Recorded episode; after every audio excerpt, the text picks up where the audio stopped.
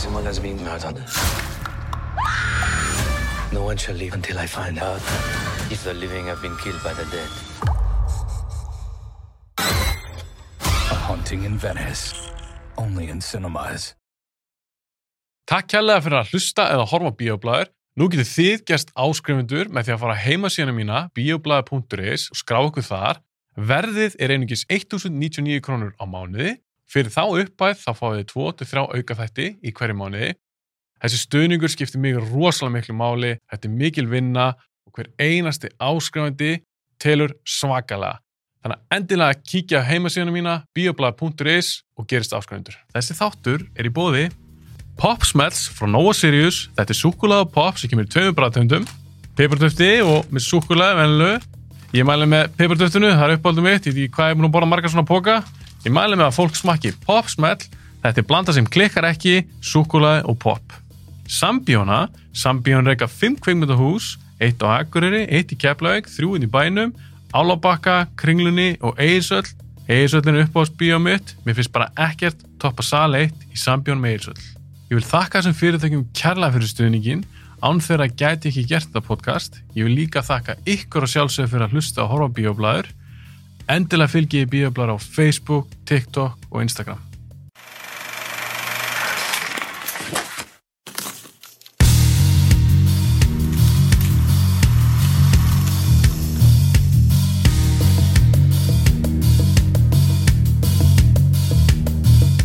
Við erum að fara að halda ára með Kristofur Nólan spjallu okkar. Yes. Ég myndi að segja. Debatið. Við erum búin að tala um Oppenheimer og Tenet, alveg heilar tvær myndir. það var heil þáttur. Ég hef búin að segja það í part 1, það mun ég að setja á án kamera, ég ætla ekki að rössa þessu, þá væri þetta bara fleiri partar. Ok, við stættum á að taka þrjá ár fyrir í þessum.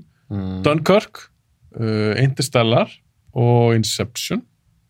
Þetta er ekki alveg í réttri röðin, ég vildi hafa auðvitað Batman-myndina bara saman í einhverjum parti. Ok, Dunkirk, stríðsmyndin hans frá 2004? 17. Nei, 17. já. Interstellar Interstellar 14. 14. Ég ætla að klippa þetta út. Ræðilegt. ok, fyrir að henda okkur í þetta. Máni, byrjum á þér. Ok, Dunkirk, Dunkirk hvernig Um, finnst þér hún? Byrjum á því, hvernig finnst þér þessi mynd? Mér finnst hún mjög góð, mér finnst ég veit ekki hvort fólk sé búið að tala um þetta áður mér finnst rosalega áhugavert að þú ert með stríðsmyndina sem gerist á jörðinni, stríðsmyndina sem gerist í sjónum og stríðsmyndina sem gerist í skíunum allar pakkaðar saman í sömu myndina um sömu atbyrða rásina. Mér finnst það rosalega flott, sérstaklega þar sem að mér finnst það allar lenda rosalega vel. Um, mér finnst sagan mér finnst þetta að vera einmitt svona fullkomin saga þar sem að þú ert ekki með neitt rosalega sterkan aðal karakter get ekki sagt þér hvað neitna karakterunum heitir en það skiptir eiginlega ekki máli að þetta er svona svo mikið epic, þú veist, eventið sjálft er eiginlega karakterinn. Og þú ert bara að sjá það frá öllum þessum mismöndi sjónarhóttnum uh, í þegar ég horfði á nýlega alveg slá mig að sjá að þérna, Barry Keoghan var í myndinni ég er svona, oh, hann er orðin ekta leikari. Hann er the Joker baby. Hérna já, ég var rosalega ánægð með þessa mynd. Og mér finnst hún betri í setna skiptið. Ok, Teitur. Mér finnst hún styrlu. Já! Já, alveg er það með að setja hann ekki bara mjög ofalega en að bara dæmið mitt gekk ekki upp. Rankin dæmið mitt, það er að segja. vísindi í starfræði Þessi mynd er ekki, einmitt, hún er alveg, svo, þetta er ekki með karakter, en mér finnst karakterin í þessari mynd vera englendingar. Þú veist, Já. þú veist, að vera það, svo þjóð, þú veist, að lendi í þessu og það er mikið talað um hérna Saving Private Ryan versus þessi sem er svolítið áhugaverð uh, samanburður. Var það ekki sangjant? Nei, mér finnst ekki. Já, þú veist, jú, jú, það er svo sem er sangjant, en bara þetta er allt öðruvísi teik. Þú veist, það er personu drifin mynd, skiljur við erum að fylgja þeim að ná í þessa personu við sjáum, þú veist, hvernig fjölskyldur þeir eru og allt það, en þessi er meira að láta, láta okkur, þú veist, henda okkur beint inn í stríðið og reyna að upplifa það í gegnum, þú veist, alla sem eru í stríðin. Þú ert líka með í Saving Private Ryan, það er rosalega svona bandarísku svona yes we're gonna do Já. it andi. Dunkirk er miklu meira svona stiff upper lip carry Já. on andi, Já. mjög brest og rosalega mikið svona desperation einhvern veginn, þeir reyna að koma sér skipið og þú veist, reyna að finna alls konar leiði til þess og þú veist, lítið að tala saman þú veist, þegar maður einhvern veginn ímynda sér að það væri frekar keisið í svona stríði, einhvern einhvern veginn í staðan fyrir að sittast niður og kynnast sko það er alveg svona mín og þú veist kvikmynda taka nýja þessari mynd er gjörsamlega trubluð mm. Þannig að já það er mitt two cents Ekki myndir um mig, Óli. það var að stoppa bara Hvað rengaði ég? hata alla Nolan myndir Ég mér er bara vant að kartra. Mér finnst ekki nóg, fyrir mig persónulega, bara ekki að kartin í myndin er atbyrjun eða englendingar, fyrir mér er það allt og stort. Ég næ ekkert að tengja því eitthvað, það tengjast því. En ég Ég, er bara með þjóðin í liði eitthvað. það er ekki drepa en þetta hefur verið bara eitthvað karakter. Ég, just, ég er ég er sammálaður í því skilur Vertu sammála með núna? Nei, málið er að þú segir mér Private Ryan að því að þú veist, ég er að segja það því það er alltaf verið að byrja það saman þú veist, hún gerir það, en þessi gerir það ekki mér finnst það bara að vera öðruvísi teika á það og ég, já, ég fílaði þetta í tællur sko, Bara verra teik. nei, mér finnst það ekki Finnst þú segja præta? sko, Ég elska grilla deita svona, það er þólar það ekki. Mér finnst ég get eiginlega ekki alveg ég gæti ekki sagt að því að þess að vera, þú veist, pínu að því ég, þú veist, stutt sinni sá þessa og það er ógeðslega sinni svo sagði Mm. en í minningun er hún alltaf, hún er alltaf visceral, skilur, hún er fucking brutal hún er að setja allt það á sjónasviðin, þetta er meira að vera að setja thriller ástandið sem að gerist í þessu stríði, skilur þannig að, Óli, jú, býtu, thriller tónnin virkar mikið betur í þessari mynd en Oppenheimer. Já, ég sammála þú því. er sammála því eða Já, ekki? ég sammála því. Óli, mm, hvernig við þitt innlegg inn í umræða?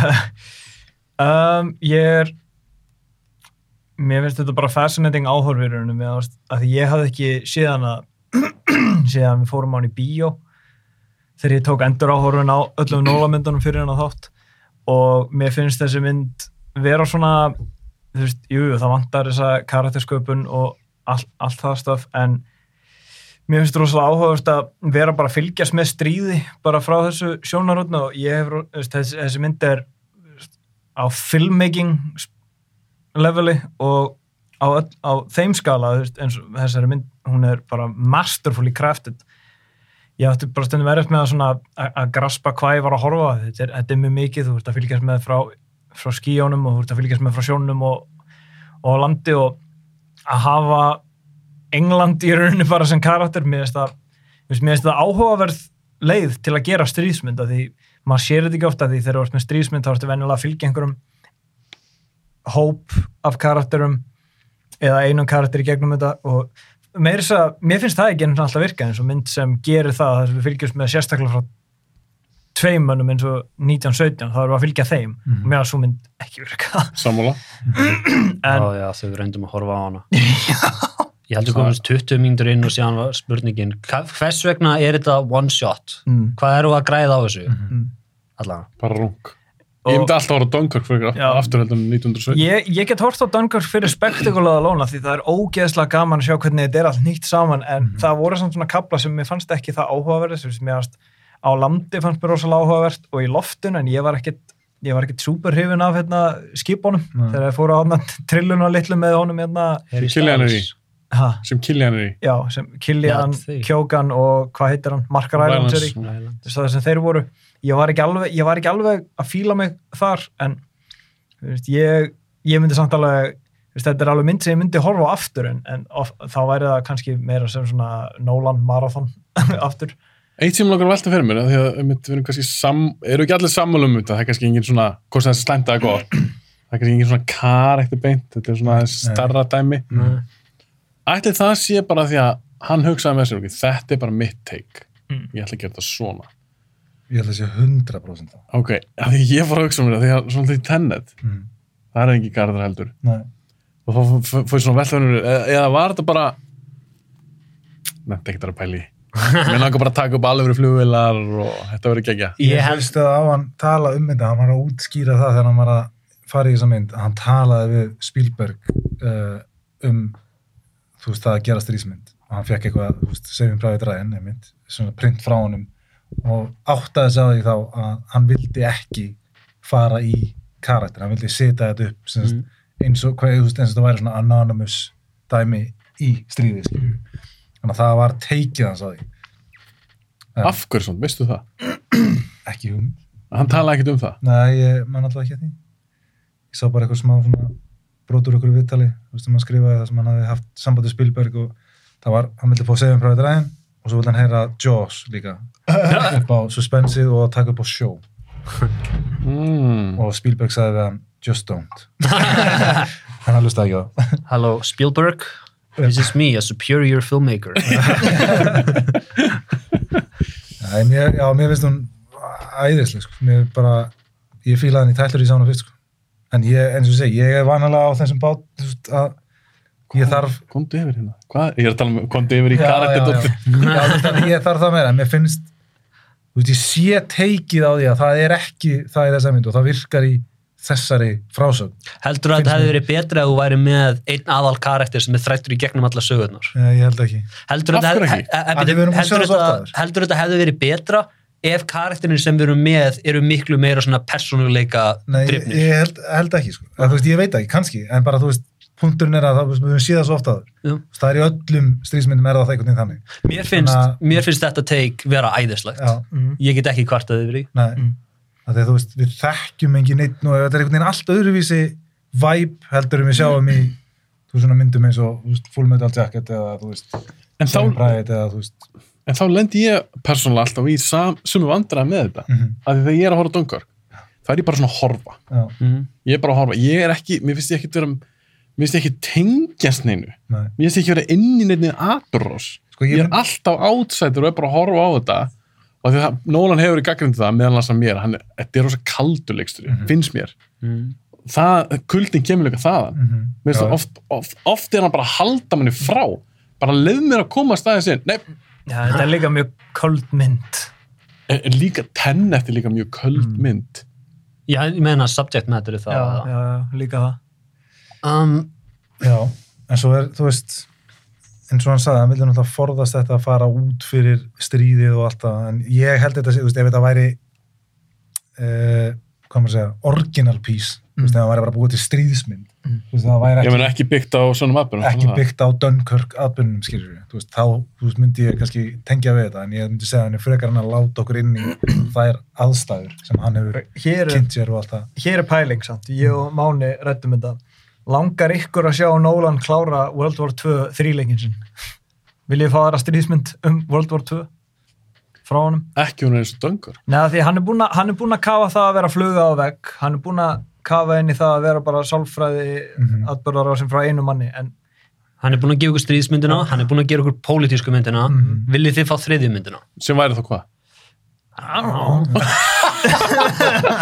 Ég held ég verið bóttið með eitthvað svar.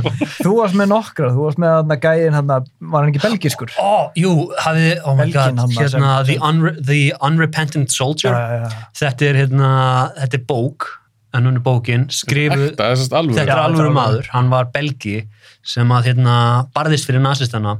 Og eftir alla dómana, eftir að nasistanir voru þurrkaðir út, eftir alla dómana hann sá ekki eftir neinu sem hann gerði. Mhm. og hann hérna, ég, ég man ekki hvort hann skrifaði bókin eða ekki, en Roman Polanski, Before the Troubles hann ætlaði að hérna, hann ætlaði að gera þessa mynd.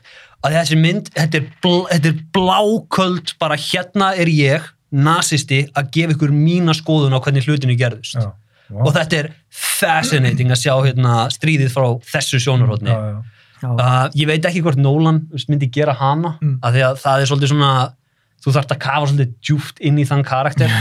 Um, þú getur gert The Bismarck þegar hérna, Bismarck náttúrulega ofurstríðskipi sem þjóðvörðni voru með. Mhm. breytanir þurftu að finna út hvernig nokkulega var að sökka þessu skipi þegar þetta rústar öllu sem við sendum að þessu þurftu að fara í svona féluleiki í sjónum voru að senda þótt hérna, flugular yfir bara til þess að leysa vatni og sprengja vatni til þess að fela hlutina.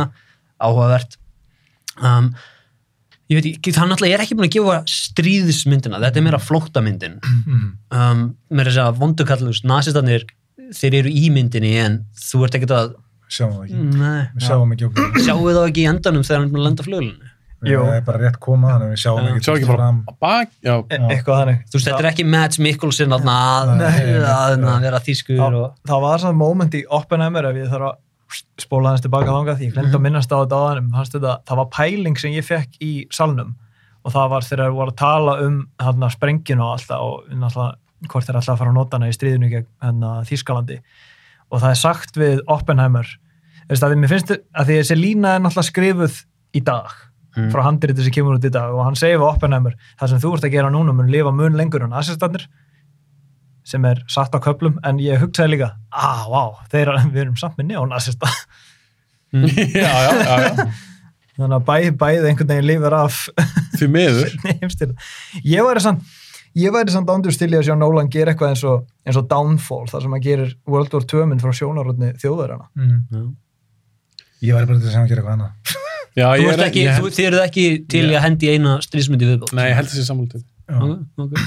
Gera aðra, ten, en ef hann gerir mér aftur finnst- Mér finnst... ef hann gerir Tenet 2 Já, allan Plís gerðu það. Nei, þú veist, mér finnst þetta bara að vera, mér finnst hann ná einhvern veginn, uh, hann, þetta er svo ferst take á svona stríðsmynd. já, algjörlega Og mér finnst það mjög aðdánavert. Það hjarti henni.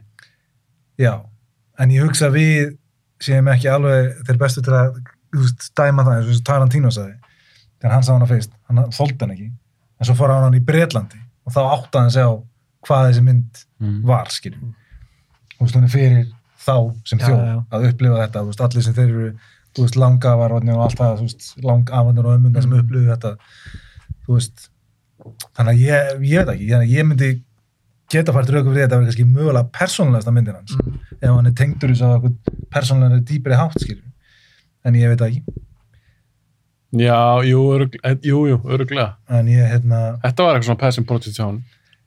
já, en ég fíla að tekja hann en ég, ég, veist, já, ég held þetta væri ekki áhugaverða ef þetta væri eins og allar aðrar Nei. ef þetta væri með einhverju hersveit og En hefði þetta verið svona eins og allar aðrar ef hann hefði gert bara suma mynd mm, með þessum tímaklippingum mm, en með kannski eitt karakter? Er, myndur á að segja, nei, ég er að tala um eitt ég er að karakter. kvart undan að vant eitthvað svona Já. fyrir mitt þess að haldi í tengja Já. við ef hann hefði gert bara unga strákin eða eitthvað það hefði verið eitthvað svona karakter. Mömmu svona hans persónsköpun eða eitthvað.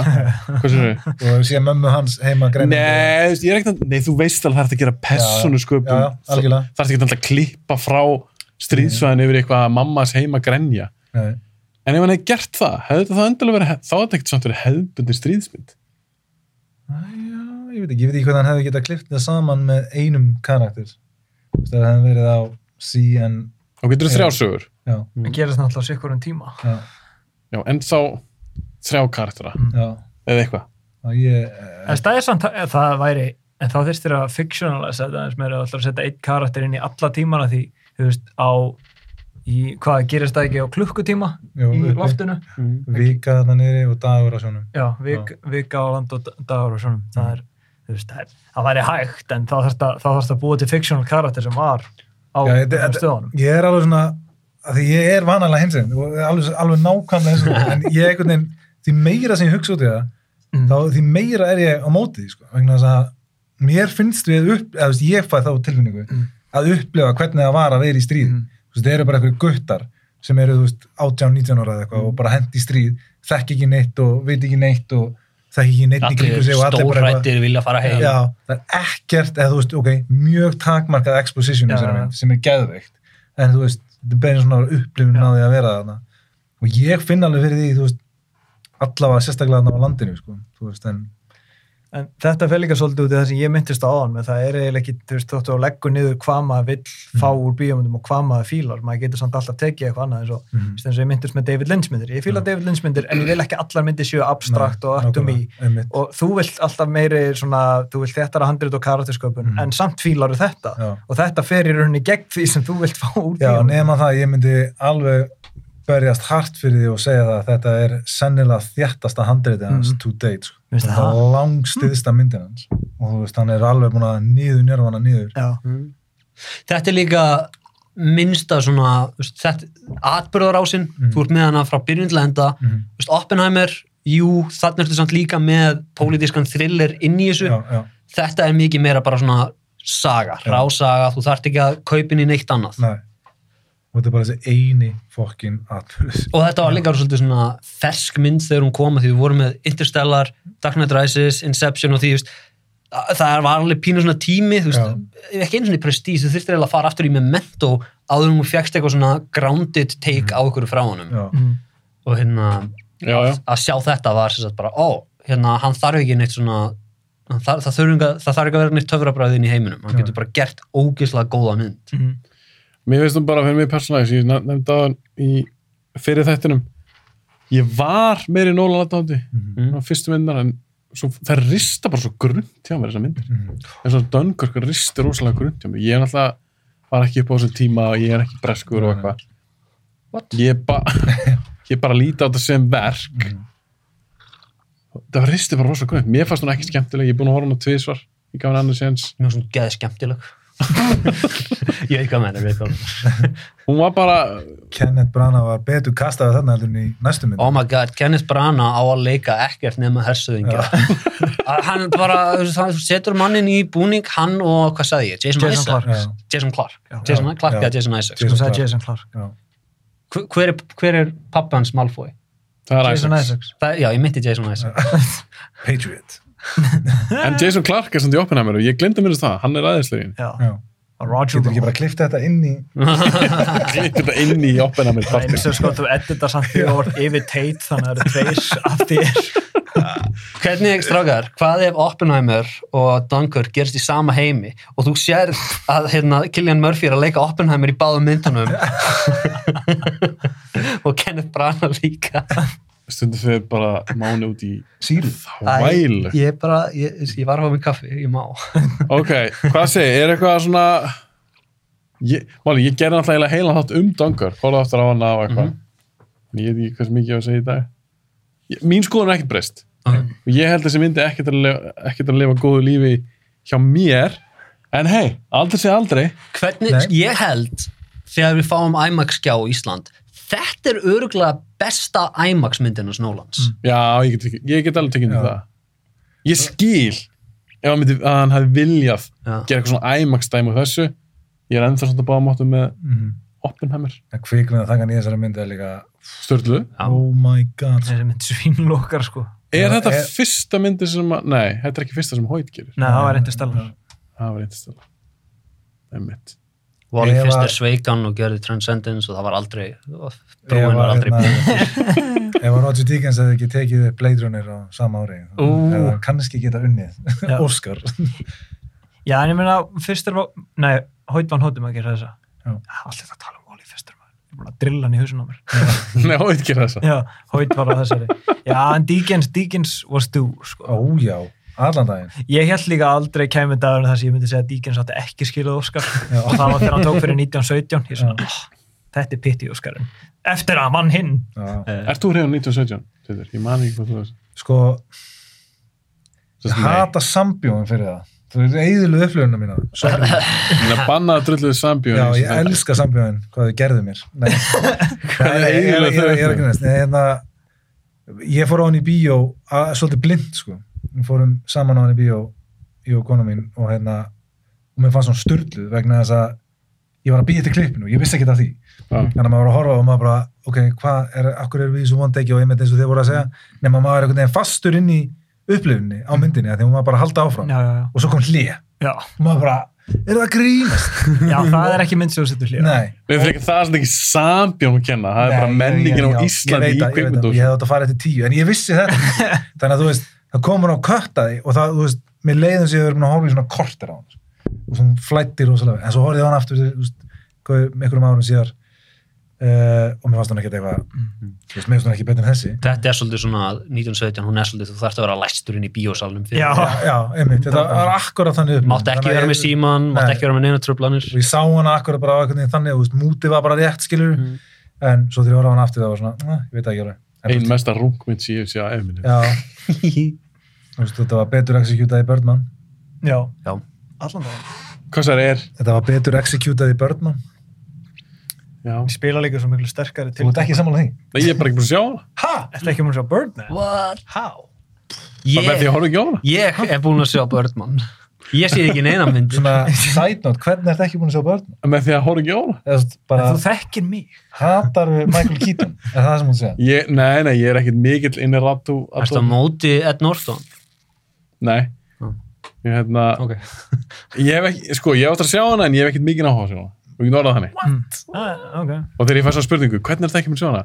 Með því að horfa ekki á hana Mjög einfalt svar En basically munin á þeim að mínum að þetta er það að þú veist, þeir eru með heightened þú veist, reality inn í myndinni skilju, þannig að líka Meikar sense Já, líka fara þegar inn í leikúsi og Já. þannig að myndi virkar eins og leikrit. Já, einmitt. En þú veist, en þú veist, svo eru klippin þar eru svo, þeir, þeir fara svo langt með það. Þeir fara já, eitthvað upp og svo bara, já. svona, ok, það var klipp. Mhm. Þannig að, að það er svo obvious í 1917. Mhm. En við erum ekki þannig að það. Nei, líka hún er klift 40 sinum. Já. Það er svo obvious, af því að þeir fara alltaf bara, hérna, ó, svört hurð. Það er bara Já, fel, já. fel þetta bara. Þannig að þetta er ekkert eitthvað one take mynd. Nei. Þannig að af hverju eitthvað að reyna? Þú ert líka að hefta þessu mikið við. Æ, við erum ekki að tala um 1917. Dunkirk, já, ég myndi taka undir það, minnst hún nú betri. En hún skilur eftir lítið hjá mér. Já. Við komum með eitthvað, þið fílið þessu mynd, komum með eitthvað hérna. Ég er því sem búin að segja allt sem ég var að segja. Mér finnst hún bara, mér finnst þetta hár rétt execution á því að vera ekki með karakter. sem að er það sem að ég vill í bíómynd. Þú veist, þegar hún næri mér þrátt fyrir það. Af því að mér finnst ég finna fyrir heldinni sem að englendingar eru þarna á þessum Já, tíma. hún líka bara, hún mála svo rosalega sterka mynd af stríðun og hvernig það Akkúrat. var að vera þarna, þú veist, eins og þegar fucking kafbátunum byrjar að fara niður. Já, já. Það er bara anxiety inducing. Já, það, og, þú veist, það er og, vond, og sko. þetta er allt einhvern veginn inn í, maður er inn í, þú veist, momentum og þú veist, fylgja þeim eftir okkar, mér finnst það bara, já, finnst hún nær mér alveg þar. Þannig að, þegar skipið er að sökva, menninir eru að út á sjónum, allir ólíu borðnir í framan aðna og síðan byrjar að kvikna í og maður er svona, Jesus þetta er, sko, Christ. þetta er eitt af fáum subjektum í kvikmyndum sem að þú getur justifæða það að vera ekki með eitt karakter. Það er að búið til stríð, það er að vera með stríðsmynd, skiljum. Þannig að, Já, en samt, já, já, en ég er samt bara að horfa á já. Menn í sjónum. Já. Og, já, auðvitað, já. En ef, tök, en ef við tökum eins og, eins og ég sagði, Saving Private Ryan eða, nei, 1917 er náttúrulega öll í stríðum líka, en eins og Saving Private skilur, þá erum við að fara tilbaka, við erum að sjá fjölskylduna Mm. hans Ryan, svo, þú, berðast við þessu, Það er ekki mikið af því. Nei, en ég segi, en við fáum tenginguna þannig og svo erum við með þeim eftir náttúrulega helluðust og opna sinu í kveikmyndasögunni. En þú fær líka persónsköpun í gegnum Já, þá það. mynd, Já, að ekki það. bara með því að klippa tilbaka. Nei, ég segi Það að Þú fræðast líka það. bara þess um þessa menn og þetta eru menn Já, í stríði. já, Þetta er ekki bara eitthvað svona, já, bandarækjumenn eru karakterin í myndinni. nei, Það er, þú ert með Miller, það er karakter. Já. Þú ert með Ryan, það er karakter. já. Ó, Saving Private, já, ég skil. Já, ég persónulega myndi alltaf kjósa þannig mynd frekar um Döngur. Þannig að þú ert ekki með englendingum í liði. Þú hefði frekar að þeim var bara öllum á strandu. Já, ég bara alveg get ekki sett þetta í sama af því mér finnst það bara að vera svo gjör ólíkt teika það. Mér Já, finnst- ég meina- það er þannig að þú veist, þetta er eins og að við tökum segjum præður enn bara að opna sinna þú veist, það er svona dæmi sem setum hann í, þú veist, það skiptir engum máli með karakter þar, að við erum bara að byrja myndina og það er bara pff, allt í chaosi. En það er ekki fíla sem pröfa daginn að vera öll fyrir þannig. Nei, ég, ég er ná því ekki. Hex or Ridge? Það er um karakter. Þú ert með karakter. Já, en hún er svolítið mikið svona splatterfest líka. Já. Já, en við erum Já, samt- en það er þar samt- í gegnum allt, Já, sko. þú ert með karakter. Já, já, til, já. til dæmis svo það, það er öðruvísi teik það er skemmtilegt teik veist, skemmtilegt. Já þú veist, á, á stríði það er um allt öðruvísi heldur en einhverja hersveit þú veist, það er búið að gera, það er svolítið búið að gera hersveitina bara með Saving Pride hún er bara, getur svolítið stoppað það bara, En er samt ekki að segja þannig að það bara um allt, alla myndir. Bara eitthvað mynd um bankaræningja, að þú ert búin að sjá þetta þarna, þú ert búin að sjá þetta þarna. Mm, nei, ekki Eða drauga á þessu mynd, þú ert búin að sjá þetta þarna.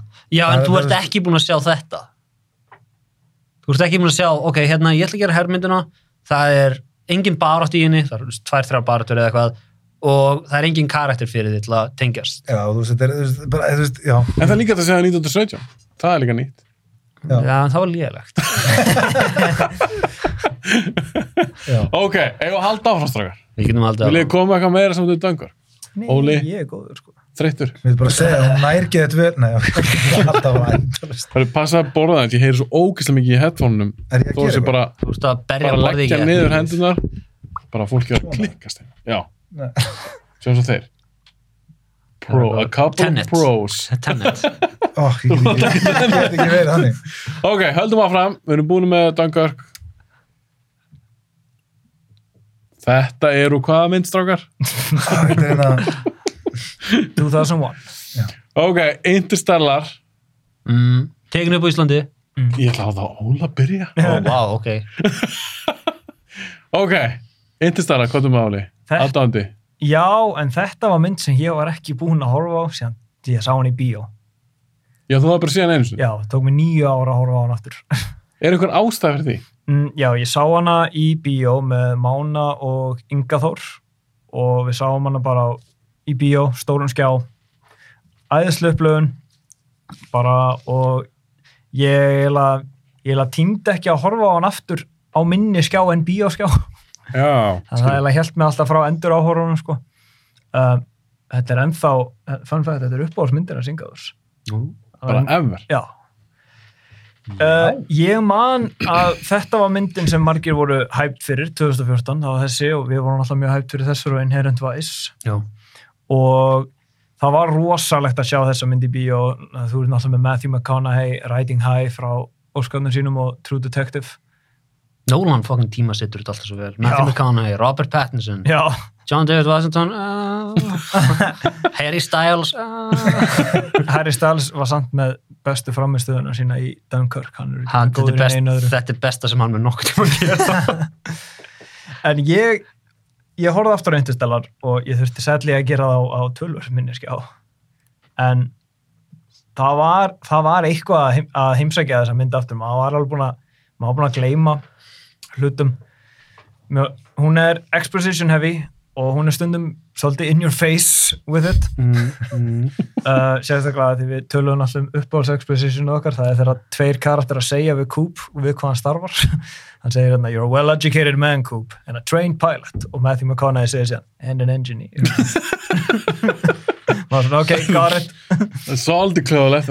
Mjög, mjög klamsið sko. mér finnst magnað að, að það kemur að svo myndir skrifuð af báðum Nolan bræðurum að því þetta er rosalega þessi myndir stútfutt á klangi dialog og atbúrarásin og svona framvindan hvernig það er allt einhvern veginn svona tilvíðulega kent stundum Mm. þegar það er koma hann í NASA og er bara, hei, Kúp, við erum búin að vera býð eftir hérna er skipið. Það er, wow, heppilegt, takk fyrir bönguðu bara ekki hjá honum? Um, en það er mjög mikið hjarta í þessari mynd og hún er alveg fyrir utan það að vera ógeðslega flott að horfa og mjög, mjög frumlega eins og ég elska síkvensi á þessari plánundu þú veist, bara those are waves. Neða those are mountains they're waves, maður er bara wow, wow, hvað það er grillað. Og ég elska hvernig tónlistinu noti þeirri sinna því það er svona tikk í bakgrunum það er, þú veist hvert einasta tikk sem þú heyrir er dagur að líða á jörðinni á meðan þau eru þarna. Það er mjög cool. það er mjög cool sko. Um, og myndi, já, snild sko. Uh, svínlokkar mér er sagan rosalega áhugaverð uh, en hún líka þráttur að vera spectacle heavy og bara í rauninni Nolan að gera sín eigin 2001 það finnst mér myndin mér finnst Matthew McConaughey alveg carry að myndina að hann, hann, er, hann er svo fucking góður í þessari mynd Best sem hann gert. Nei, besta performance hans er True Detective maður. Dallas Ha, hvað sagður þú? Dallas Bæs Club Dallas Buyers Club? Teitur gæti ekki tekið undir með það, þetta er serja. Já. líka bara því ég gafst upp á hann. Ha, True Detective? Allt áfram brother Þessa make me so mad. Nei, mér finnst þetta, þetta toppnáðsmið, sko. Anne Hathaway er fín í henni, besta þinguna þín, Hafsteinn. Nei, hvað er þetta akkur, Fíla akkur, þú Anne Hathaway, manni. akkur, hvað er fólk svona á móti en Hathaway, það er það henni Mér finnst hún ekkert lélega leikuna. ok, ok. Mér finnst hún bara ekki skemmtileg. Mm. ok, það er annað Það er hann. því að hún er með alveg bara svona hate club sem ég hef aldrei botnað í Nei, og svo, hann hérna, Matt Damon er mjög randomli í þessar mynd allt í hennu. Byrtist bara. Já, mér, það sló mig alveg jafn mikið út í setnarskiptið og þegar ég sá hann í bíu, svona, að já, Matt Damon er allt í henni í þessar mynd. Þetta var hans, pre þetta var hérna, hans preparation for The Martian. Já. En ég er mjög hrifur að Interstellar. Ég, hún var alltaf að flakka á listanum mínum. Ég vissi aldrei hvað ég myndi hafa hana, en að hafa hana sem í ferska í haustum, það hjálpaði, hjálpaði á pinninu. Uh, og þetta hérna, tímaflakkið í endan var, var fascinating. Fannst það endi- endinni virka? Mér stendur veit að love dot þannig eitthvað. Æ, ég færi nú ekki svo langt með það, en mér finnst það, fín. fólk Já, já. kvartar þegar Nolan er ekki með hjarta Já. fólk kvartar þegar Nolan er með hjarta getur ekki unnið Já, you can't win with these people. Máni, ég skal henda maknum með mér. Máni, Interstellar, fórst með Ólaðan í bíó. yes, yes, yes. mér finnst það góð hérna mér finnst ógeðslega mér finnst heimurinn sem hann byggir í kringum þetta er alltaf skemmtilegur, við vitum ekki hvað er að gerast, við vitum bara að gróðurinn er bara að deyja og æðislegt að í stað þess að veist, reyna að kveiki upp í áhuga fyrir mannkinsins að við verðum að lifa af þá er einhvern veginn bara, nei við viljum bara segja krökkunum að tunglið, þetta var bara gerfi, við fórum ekki til tungsins, bara svona já, auðvitað, þau myndu gera það, þetta er auðvöldara um, mér finnst karakterarnir sterkir í þessu, mér finnst það er svolítið mikið exposition, það er svolítið svona, já ok, hann lendir bara til NASA, ok. Uh, who cares hérna, mér, finnst það, veist, það ángra mig ekki en hérna, ég sé hvernig fólk getur séð það sem vandamál við myndina. Uh, mér finnst Matt Damon æðislegur í þessari mynd. Hann, ég man þegar myndin kom út að það var gaggrínt karakterinn hans sérstaklega. Mér finnst karakterinn hans æðislegur. Mm. og ég kaupi þetta alveg bara, já, Gaurinn er búin að vera hversu lengur í game og hann er frekar tilbúin bara að deyja heima frekar en að vera þarna lengur. Já, um, og bara einn alltaf líka já, Lengi, já. menn það var Hann bara sagði hann ekki og fekk að fara. já, hei, ekkert Já, svona ok. Af því að, að, því að, Getur ekki gagnrýnt. að, því að, að því að McConaughey hefði sagt nei já. hérna, það var Hann spurði þetta ekki. Nei, ok, sorry. Don't use your logic. það var hérna ég var að lesa eitthvað þráð einmitt með vassplánunduna, fólk sem er ekki með skjáin á sem er að hlusta, við erum að horfa á skjáin þar sem að þau eru á vassplánundunni að hérna að því þau fóru af plánundunni um, ég man ekki alveg hvernig þráðurinn fór að því að aldan sem þau horfa á í þau þau lenda, þetta er örgulega aldan sem tók gæjan út. En að því að tíminn líður svo mikið hægar á þessari plánutu það var talað um að þau hefðu geta farið af plánutunni og lent aftur og sótt hann. Mhm. eða eitthvað svoleiðis. Eða ef, neð, það, að því að þau hérna skildu gæjan eftir sem var rótaður Mhm. að hérna, þau hefðu geta farið í burtu og komið síðan aftur eftir ölduna en hérna nei að því að gæjan var rótaður í vatninu eða eitthvað svoleiðis, ég manna það ekki það var eitthvað svona pínu gimmick þar sem að það var öruglega hægt að bjarga honum að því að hann var ekki dauður en hérna Það var bara useless karakter. já, í rauninu Fuck him. Fuck him. um, mér fannst tímafélagstótið í endanum finnst það að hafa elst ítla ég var rosalega ánægð með það þegar það var að gera mér finnst það rosalega cool og svona, ó, 2001, gert, gert, gert, gert, gert. Horfðu, sorry, horfður aftur á hana fyrir podcasti já, ég, horfði- ok. ég horfði á allar. Um, Fannst þið sákabli eldast mér finnst það ekki eldast jafnvel og því að fyrst ég fór á hana þá var þetta bara svona, ú, spectacle mynd því að það var sérstaklega hæpaðan upp sem þetta er svona time-bending sci-fi movie from Christopher Nolan og sem hljóma cool sem hljóma cool og Já, mjög hljómaði, spenntur henni. hljómaði mjög cool áður en hún kom út, þú veist bara ok, gæðin sem gerði Inception, gæðin sem gerði Memento er að fara að gera tímaflagsmynd awesome, og hérna lítandi tilbaka, þá er það alltaf karakterdótið og worldbuildingið sem að mér finnst miklu skemmtilegra en sci-fi dótið Já, já, já. Samt. Teit- Teitur, var þú búin að segja? Nei. Nei Eitt áður en Teitur fara að segja að því það var eitt sem ég langaði að minna eftir. Ég elskaði trailerinn fyrir Interstellar. Já. Að því þeir notuðu eitt af mérum uppáhalds film soundtracks ever og mér fannst það svo ógeðslega vel gert að þeim að þetta er náttúrulega Warner Bros. copyrighted track og það notað svo fallega í þessum trailer. Þetta er hérna Gods in the Rain úr We For Vendetta þegar hérna Eve stígur út í rigninguna. Oh. Það er notað í trailernum fyrir hérna Interstellar og það er, þú veist, mankind wasn't meant to be here nei, hann meant to on earth we were meant to leave it og þú heyrir svona voice over narration frá Michael Caine og heyrir dun dun frá fucking ah, þetta fucking soundtrack. Gekkja stefna já, bara úr einu besta atriði kvikmyndasögunar ég segi það. Er það umví? Já. Já, þetta er bara eitt besta track allra tíma en Teitur, hvað, hvað finnst þér um We- hvað finnst þér um We For Vendetta? Hún er mjög fín. Já. núna, núna, núna heyrum við ykkur að vittleysu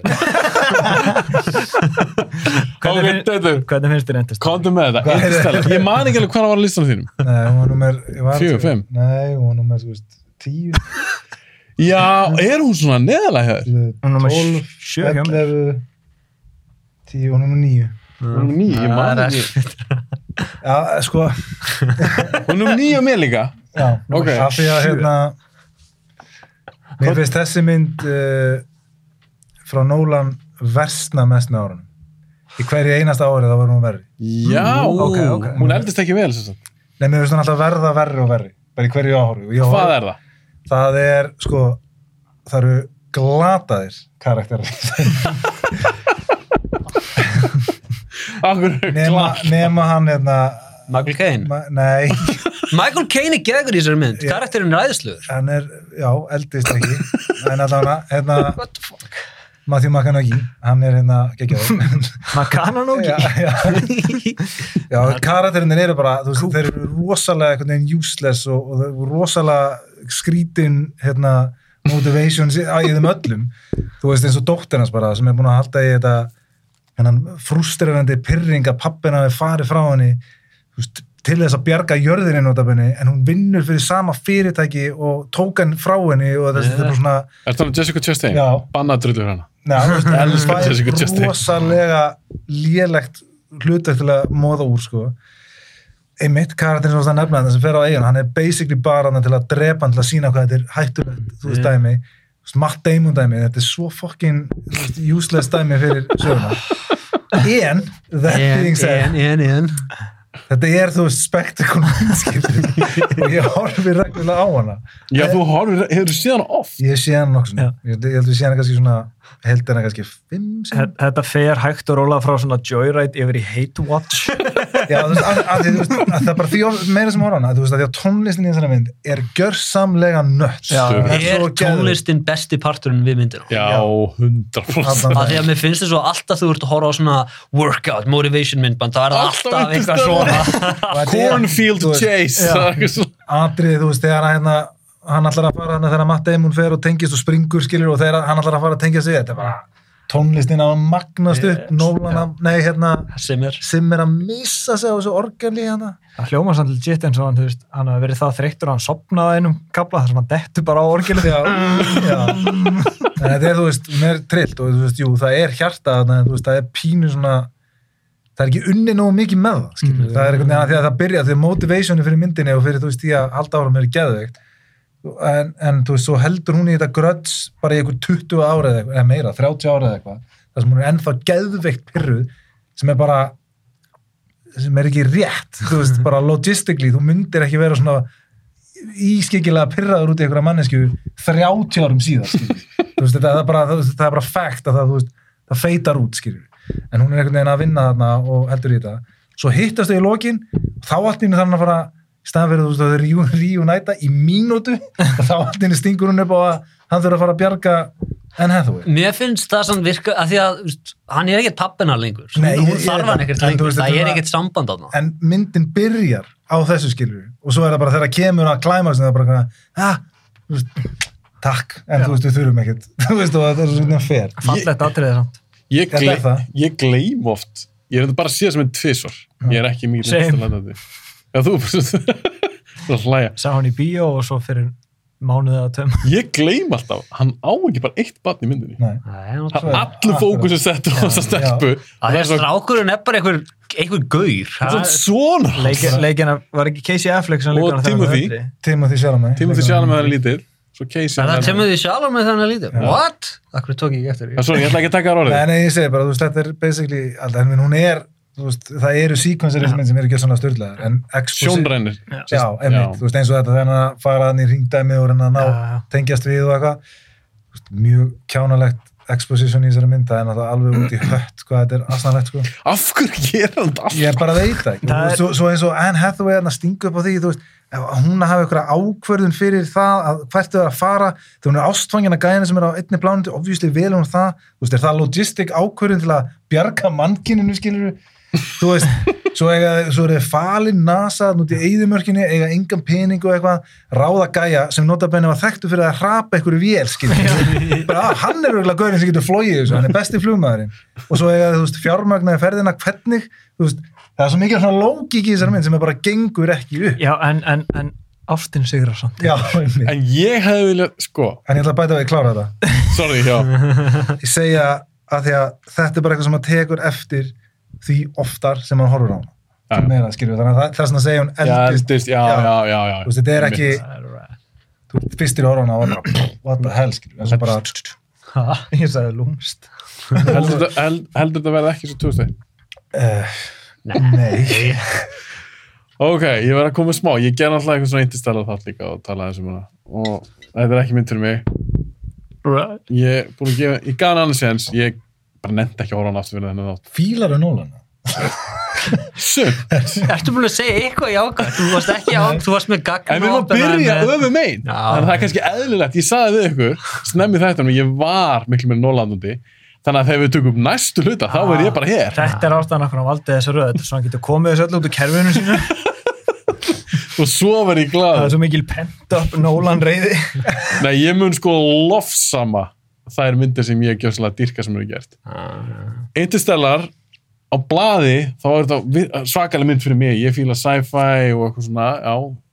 Líka eitthvað heimsbyggilega pælingar og þetta ástadót og ok, þetta hefði ekkert verið algjörlega mynd fyrir mig. Ég veit í hvort það var rétti maður þess að gera þessa mynd. Ég hef verið til að sjá kannski einhvern Spielberg sem hefði kannski verið með þetta aðeins einhvern veginn, af því þú sagðir á hann eitthvað fólk er aldrei ánægt með það, Nolan hann er hvort ekkert hjarta eða of mikið hjarta það er þetta balans sem hann er kannski aðeins að leita Mm. og þegar hann fer svona einhvern veginn overbort þarna og mér finnst þetta svona bara mér finnst þetta sé velmenni að reyna að gera mynd um mannlega tilfinningar Já. Hann er svona AI á undan AI. af því að eins og, ég hef oft sagt á, í þessu þætti, kaldu leiksturum mér finnst einhvern veginn svo, þetta love dot mér fannst þetta var svona veginn clumsy eins og exposition er kannski svona fannst ég ekki alveg finna fyrir því ég hata endan á svona ástæður ég Frá hata hvaða punkti? bara hvernig hún endar Ok. einhvern veginn, þetta, allt þetta mission þetta er svo erfitt og þetta er svo, svo litla líkur á þetta takist ég þól ekki hvað hann endar happy Mhm. hún endar að því að hann alltaf deyr ekki Mm. hann fær heita dóttur sinna aftur Mhm. hún er eftir að hlusta. Já. óþekkur, hún er þú ert óþekkur hann heitir dóttir sinna aftur hann lifir þetta af, hann fær vinnu við það sem var alltaf draumurinn hans Mhm. og þau finna besli blándu fyrir manginni, það berga manginu ég var ekki að kaupa þetta allt Mhm. þetta hefnaðist allt Já, þú Ég sér mynd- allavega eitt feil já, Já. mér fannst það í takt við söguna mm. sagan sem eru verið að segja er Já. bara, wow, þetta er bara þetta er bara suicide mission, þetta er bara, þetta er bara doomsday þetta er ekkert að fara að takast Þannig að hefði endurinn virkað þá betur fyrir þig ef hún hefði endað eins nema þegar hann kemur á jörðuna þá er dóttir hans dáin. Þú veist hann að kemur á jörðina, nei, hann kemur alltaf ekki á jörðina nei, hvernig hvernig var þetta fyrir hann ekki eftir á jörðuna Nei. hans? er þetta ekki ykkur gameskip eða Já, eitthvað? þú veist, Geimstöð? eh, eh, ok, en þú veist, þegar hann kemur tilbaka og ef, ef dóttir hans er dáin þá náttúrulega hefur hann mun meira svona þá er náttúrulega ekkert annað fyrir hann en missionuð. Já. Það hefði mega meiri sens. Það hefði, já, mér er þótt að make a meiri sens Það ég er ekki að segja að ég dyrka hana ef það er Getur ekki fengið Interstellar 2 Into Stellar. Já, þannig að það, og allt sem er búin að tala um líka er ég alveg ég er alveg sammála ég, En þetta er samt, sko, það sem mér finnst áhugavert við hana samt, að hún er alveg rewatchable. Veist, mér finnst það ekki, mér finnst alltaf vant já, en þú veist, þessi gallar, þeir fara ekkert, veist, þetta er bara, tónlistin er svo insane, það eru geðveikir síkvansar í þessari mynd. Já, en er það að plata mann? Tónlistin? Ógeðslega flott og að þetta er mynd svo já. átt að fíla Já, ég held En það er sé ekki það sem, fíla nei, ég held að það sé það sem plati alla sem að segja þetta sé bara svona topp 5 myndir allra tíma. Já, ég meina, mér finnst rosa margir sem hafa komið til mín, kannski sérstaklega svona í yngri kantinum, svona Já. Nóla. dyrka dyrka Interstellar er hún ekki, hvað, ein af top 50 MDB myndunum? Jú, sem er, já, sorry, mér finnst það Já. crazy Hann er með, hann er með þrjára, hann er ein, en hann Hann geini er- leikstjóri með þrjára. hann- Hann Já. er fleiri. hann er með flestar myndir á topp, eða ekki, jú. IMDb, Hún er með 250. 8-7 en MDB. já þú veist það hvað finnst ykkur um það? Það er, það er Allar, svona allar, aðeins mikið. allar Batman-myndunar að sér Dark Knight er með 9,0 hún er alltaf bara mynd nummer 3 eða eitthvað mér finnst það líka crazy ekki mér, mér finnst það justified Ætti að setja hann bara hliðin á Godfather já, Yes! oh! Fólk, fólk talar svolítið mikið um Godfather.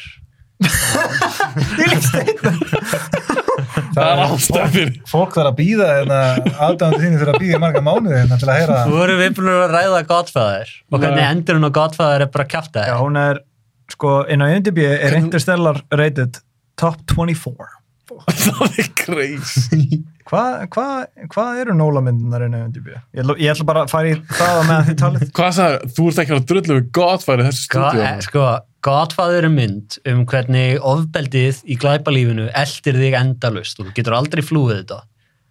Og hvernig endar myndin? Uh, hann Michael, hann bara drepur höfðan á hinum fjölskyldunum og vinnur. Já. Búið. Bóðskapur myndarinnar bara farin út úr, út, bara út úr gluggan, bara út á endanum, að þau þurfum að enda myndina. Ha? Já. Ég er ekki saman. Nei, byrju, hvern, hvernig endar myndin? hún endar svona Já. hún endar að hann tekur við empærinu frá pappa sinum Já. og, hún, og þróunin er hann frá Já. að vilja það ekki Já. yfir hann er basically dregin inn í það Já. og svo hefur hann alltaf option á að fara út þannig til að kemur punktur þar sem hann þarf að taka definitive ákvörðun Já. um að vera í þessu lífi eða fara út og hann tekur ákvörðun ég ætla að vera í þessu lífi Og hver er bóðskapur myndarinnar? það er bara að Já, drepa akkur, akkur, ekki. Hún er, bóð- hún er, hún er ágætt. Ég er bóð á. En getur ekki líka bóðskapur verið bara Nei, bóðskapurinn er að það.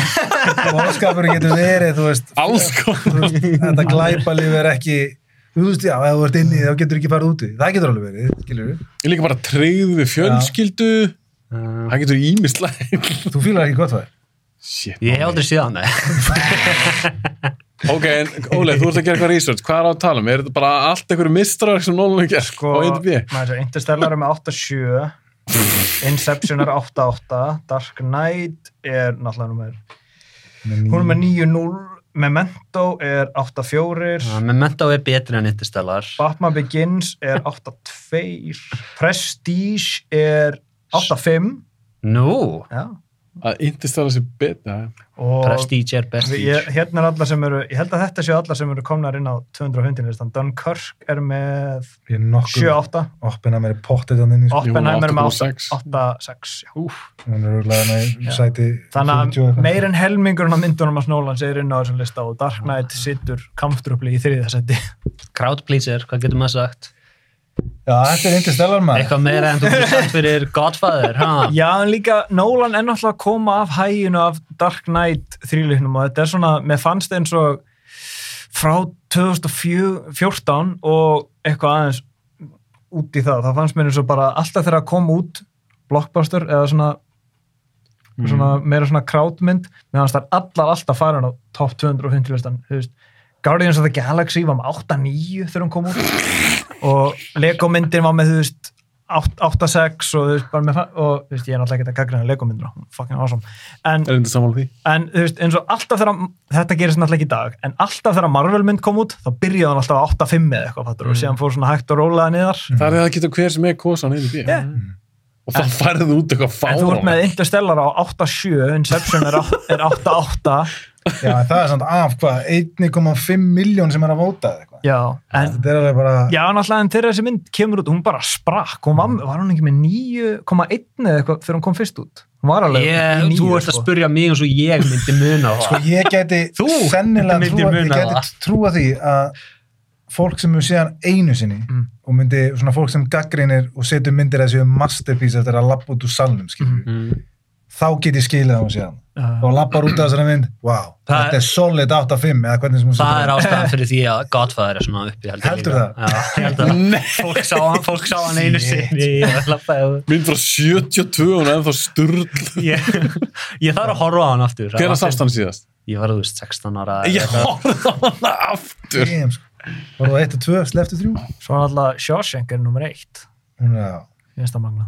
Já, það er ekki Það verið er betri mynd en fokkin Já, Interstellar. ég, ég er ekki að segja annað. Shawshank er nummer 1 að, að, bara ástæðu sko. Er hún hvað, 9,2? 3 Já. Ok, það munar sérst, hún er með 8, Interstellar með 8,7, þetta er ekki IMDb þáttur, en Já, samt, já. hún er með 8,7 og Shawshank Redemption með hvað, 9,3? Níu. já, en það er samt náttúrulega sko, þú veist, hvað eru margir sem gefa 9-3 á veist, það eru 2,5 miljónir eða eitthvað, á með þú veist, það eru örugglega 1,8 miljónir eða eitthvað sem eru að vóta þannig að þetta er ekkit eitthvað bara þrjá, þú veist, þrjú strep, skilur, þetta eru, þú veist, miljónir á milli, skilur, sem er að segja hinn er nummer 9 Já, já, ég veit, ég veit það, en ef hann, ég get sagt ykkur eitt, ef að Nolan hefði leikst Shawshank, já, já. Þá væri hún með 10 bara. Ég veit það ekki, ég held að, ég held að tónlistin hefur verið á harkalega.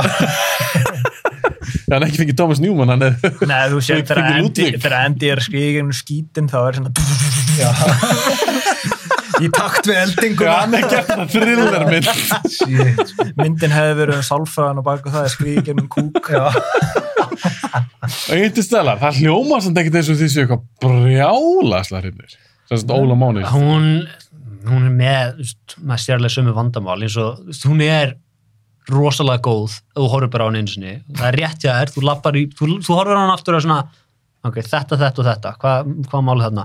Mér finnst karaktervinnan rosalega góð, mér finnst Michael Caine æðislegur, bara, já, ég ætla bara að plata þig. Þannig að það er þess virðið bara að trúa til þess að trúa. Mér finnst með Damon æðislegur. Fólk talar um að, ó, þetta meikar ekki sens Gæðin er búin að vera einnan með úti heilengi, Anne Hathaway, ó, ást getur bjargað okkur. Já, bitch, heimurinn er að enda. Auðvitað myndum segja þetta. Hvað? En atrið þegar hann fer hann Vá, fyrir ekki eitthvað svartóla, ekki maður þannig að fer í og fer hann og hrindi bókina, íti bókina við við erum ekki að tala um það. Nei, býtum við, jú, tölum aðeins um það praktikal notabenni. Yes. Já, já við höfum náttúrulega að nefna það líka auðvitað virðum að það við Nólan og kann að meta, hann er það er lúka ekki eins og Marvel myndir Nei. þetta er, Þetta er líka rosalega mikið þarna er praktikal shit. Sko. Já, já. Þetta eru There was no CG. There were no green screens. Já, já. en það aðri er þetta aðstæðanlegt Þetta er svo ógeðslega tilvíðun að Þetta kemur Þetta úr- er svo ógeðslega mikil tilvíðun að það er ógeðslega erfitt að justify þetta sé bara geður. já, já. Já, Þetta, þetta er bara, hverjar, þú veist, ah, já, ég maður þegar ég var í bíó og þetta aðri kom já, ég man, ég, ef það verið myndala mér þá hefði, þá var ég svona svo þetta kom, þá var ég svona já, ok, já. Þú varst ekki svona meira hlutin sem var bara, oh my god, nei. Svona Joaquin Phoenix í Science. já. ég ég veit ekki það ég hef alveg verið plataður. Þá er ég að tala með eins og ég sagði við ykkur í Star Wars þættunum á, eftir Force Awakens. Já, já. Og svo bara komst ég að bara, wow, ég var bara plataður Þú Ég sá brosið hans Harrison Ford og ég leiði sjálfur mér trúa. hann tókaði ykkur á nostalgíu strengi hjá mér Ég bara, að wow en eintistæla náði aldrei að plata mig. Ég, þetta var ekki mynd fyrir mig. Ég Hún líka, plata- Hún plataði mig við fyrsta áhorf. Já, en það var, ég sá þetta einhvern veginn koma bara, right, því hún var að tala um, þú veist, við erum í sci-fi mynd, hún var að tala um hún trúur á drauga, það er svona, ok, þú veist, ég veit ekki hvort að hann sé að fara að setja út í eitthvað, hvort er betra, supernatural eða science, en hún leiði að hann bókin datt þarna, og hugsaði ég, ok, þetta er hann. Ég veit ekki, það var bara small í hausnum að við bara, hann er draugurinn, Já. ok, Þú úr aðra en tíma. Já. Ég hef engal, ég hef ekkert logic á bakvið, af hverju ég fatta það, hafi ekki lendi í þessu, þeir eru að horfa mynd og segja, þú fattar þetta bara. en ég, ég get alveg að, sagt að þér þetta okkur getur fatt- ekki farið neitt annað. Nei, ég get ekki samt sagt þér okkur fatta það Mm. en þú er búin að sjá milja myndir það, það, það getur líka verið. það er bara 100% ástæðan Ég, já, ég líka bara, þetta kom bara þarna, þú bara, last bara myndina já, bara strax, en ég, en ég bara feina, ég snýri mér ekki enga að mánu og sagði eitthvað. það er já, eintistælar, hvað segi Matt Damon aðeinslur, hvað er skemmtilegri þessu eða Martian? Marsjan, Allan daginn held maður að setja hana fyrir ofan. Allan daginn Máni, Hún er, hún, er, hún er skemmtilegri en Ertu átt að því að við erum að gera nóla þetta við erum búin að drulli yfir all. þetta er þáttur með tvö. myndir þú nenna að horfa á Marsin aftur Þessi, þú getur, Já. það, það eru fallegir hlutir í þessari mynd þú getur horta á þá mikið af svona hlutum sem að líta vel út Spektikú. meira hjarti í Spectacle. er það? Er fyndin Matt, Da Matt Damon er betri þeirri mynd ég veit ekki sanga þannig aðlutur mér varst hún mjög góð, hún kom á óvart sín tíma, Martian Já, mér líka, sérstaklega því að þetta var annað svona gladiator dæmi fyrir Ridley Scott, af því hann átti ekki að leiksturinni þetta var eitthvað svona, hann var fengið inn á seinustu stundu og hann bara Ég, home run, algjör tómrán, ég er algjörlega. Ég vil að sjá hann að taka einn best picture, sko. ég er náttúrulega bjóst við því að hann var að fara, þetta var að fara að vera drast það var annonsað Marsin bara já, Ridley Scott er að fara að gera hana hann inn hérna, seinustu stundu þetta er þessi mynd, maður svona, já þetta aftur er umulegt en það er svo gæðan satt, ég maður þegar ég sá ok, svo fyrir að halda áfram með Nolan. Þegar ég sá trailer fyrir Martian Já. ég var alveg bara uh, mm, mm. svo fór henni bíó.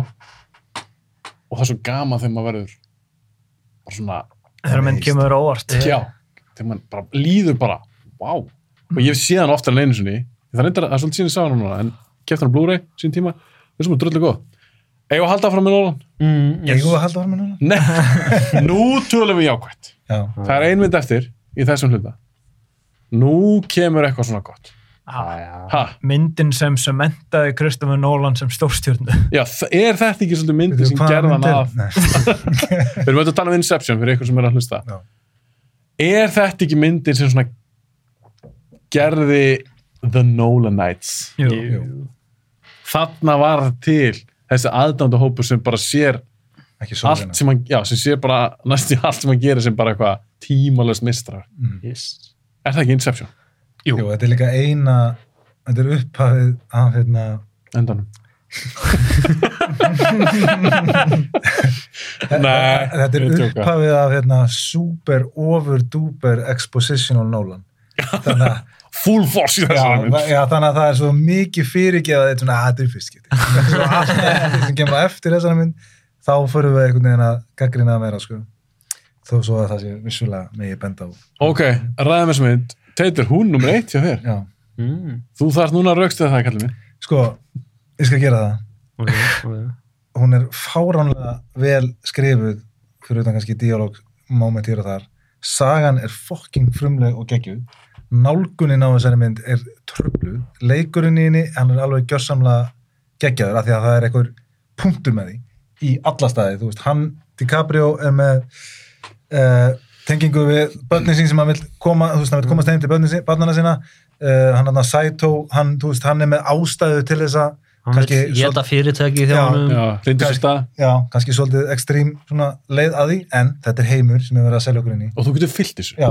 Kvikmyndatakan er kortir í flawless í þessari mynd. Hún er svo vel executed af því að þú veist, þeir fara líka svo ógeðslega praktikal að sturluðum síkvensum eins og gangurinn, þú veist, í staðan fyrir að gera þetta einhvern veginn CJ þetta í draskirið og smíða bara ganginn og taka einmitt Já, þú ert talað um bardaðatrið. Já. Já. veist, það er allt gert praktikal og þú veist, tekið af hérna, 2001 og einmitt þannig, tónlistin í þessari mynd er náttúrulega Gekkið. Geðvig og þetta er einhver best samansetta hvað maður að segja, svona mynd við tónlist sem maður hefur sér veist, drauma síkvensin þegar að vera kikkið er að fara í gegn allt, þetta er bara einhvern einasta skipti, þá er maður einhvern veginn on the edge of your seat skipti. Maður hugsa líka svo mikið um Inception og tónlist. já, af því hún er svo, þú veist, hún er svo Getur ekki tekið einhvern veginn, finnst mér.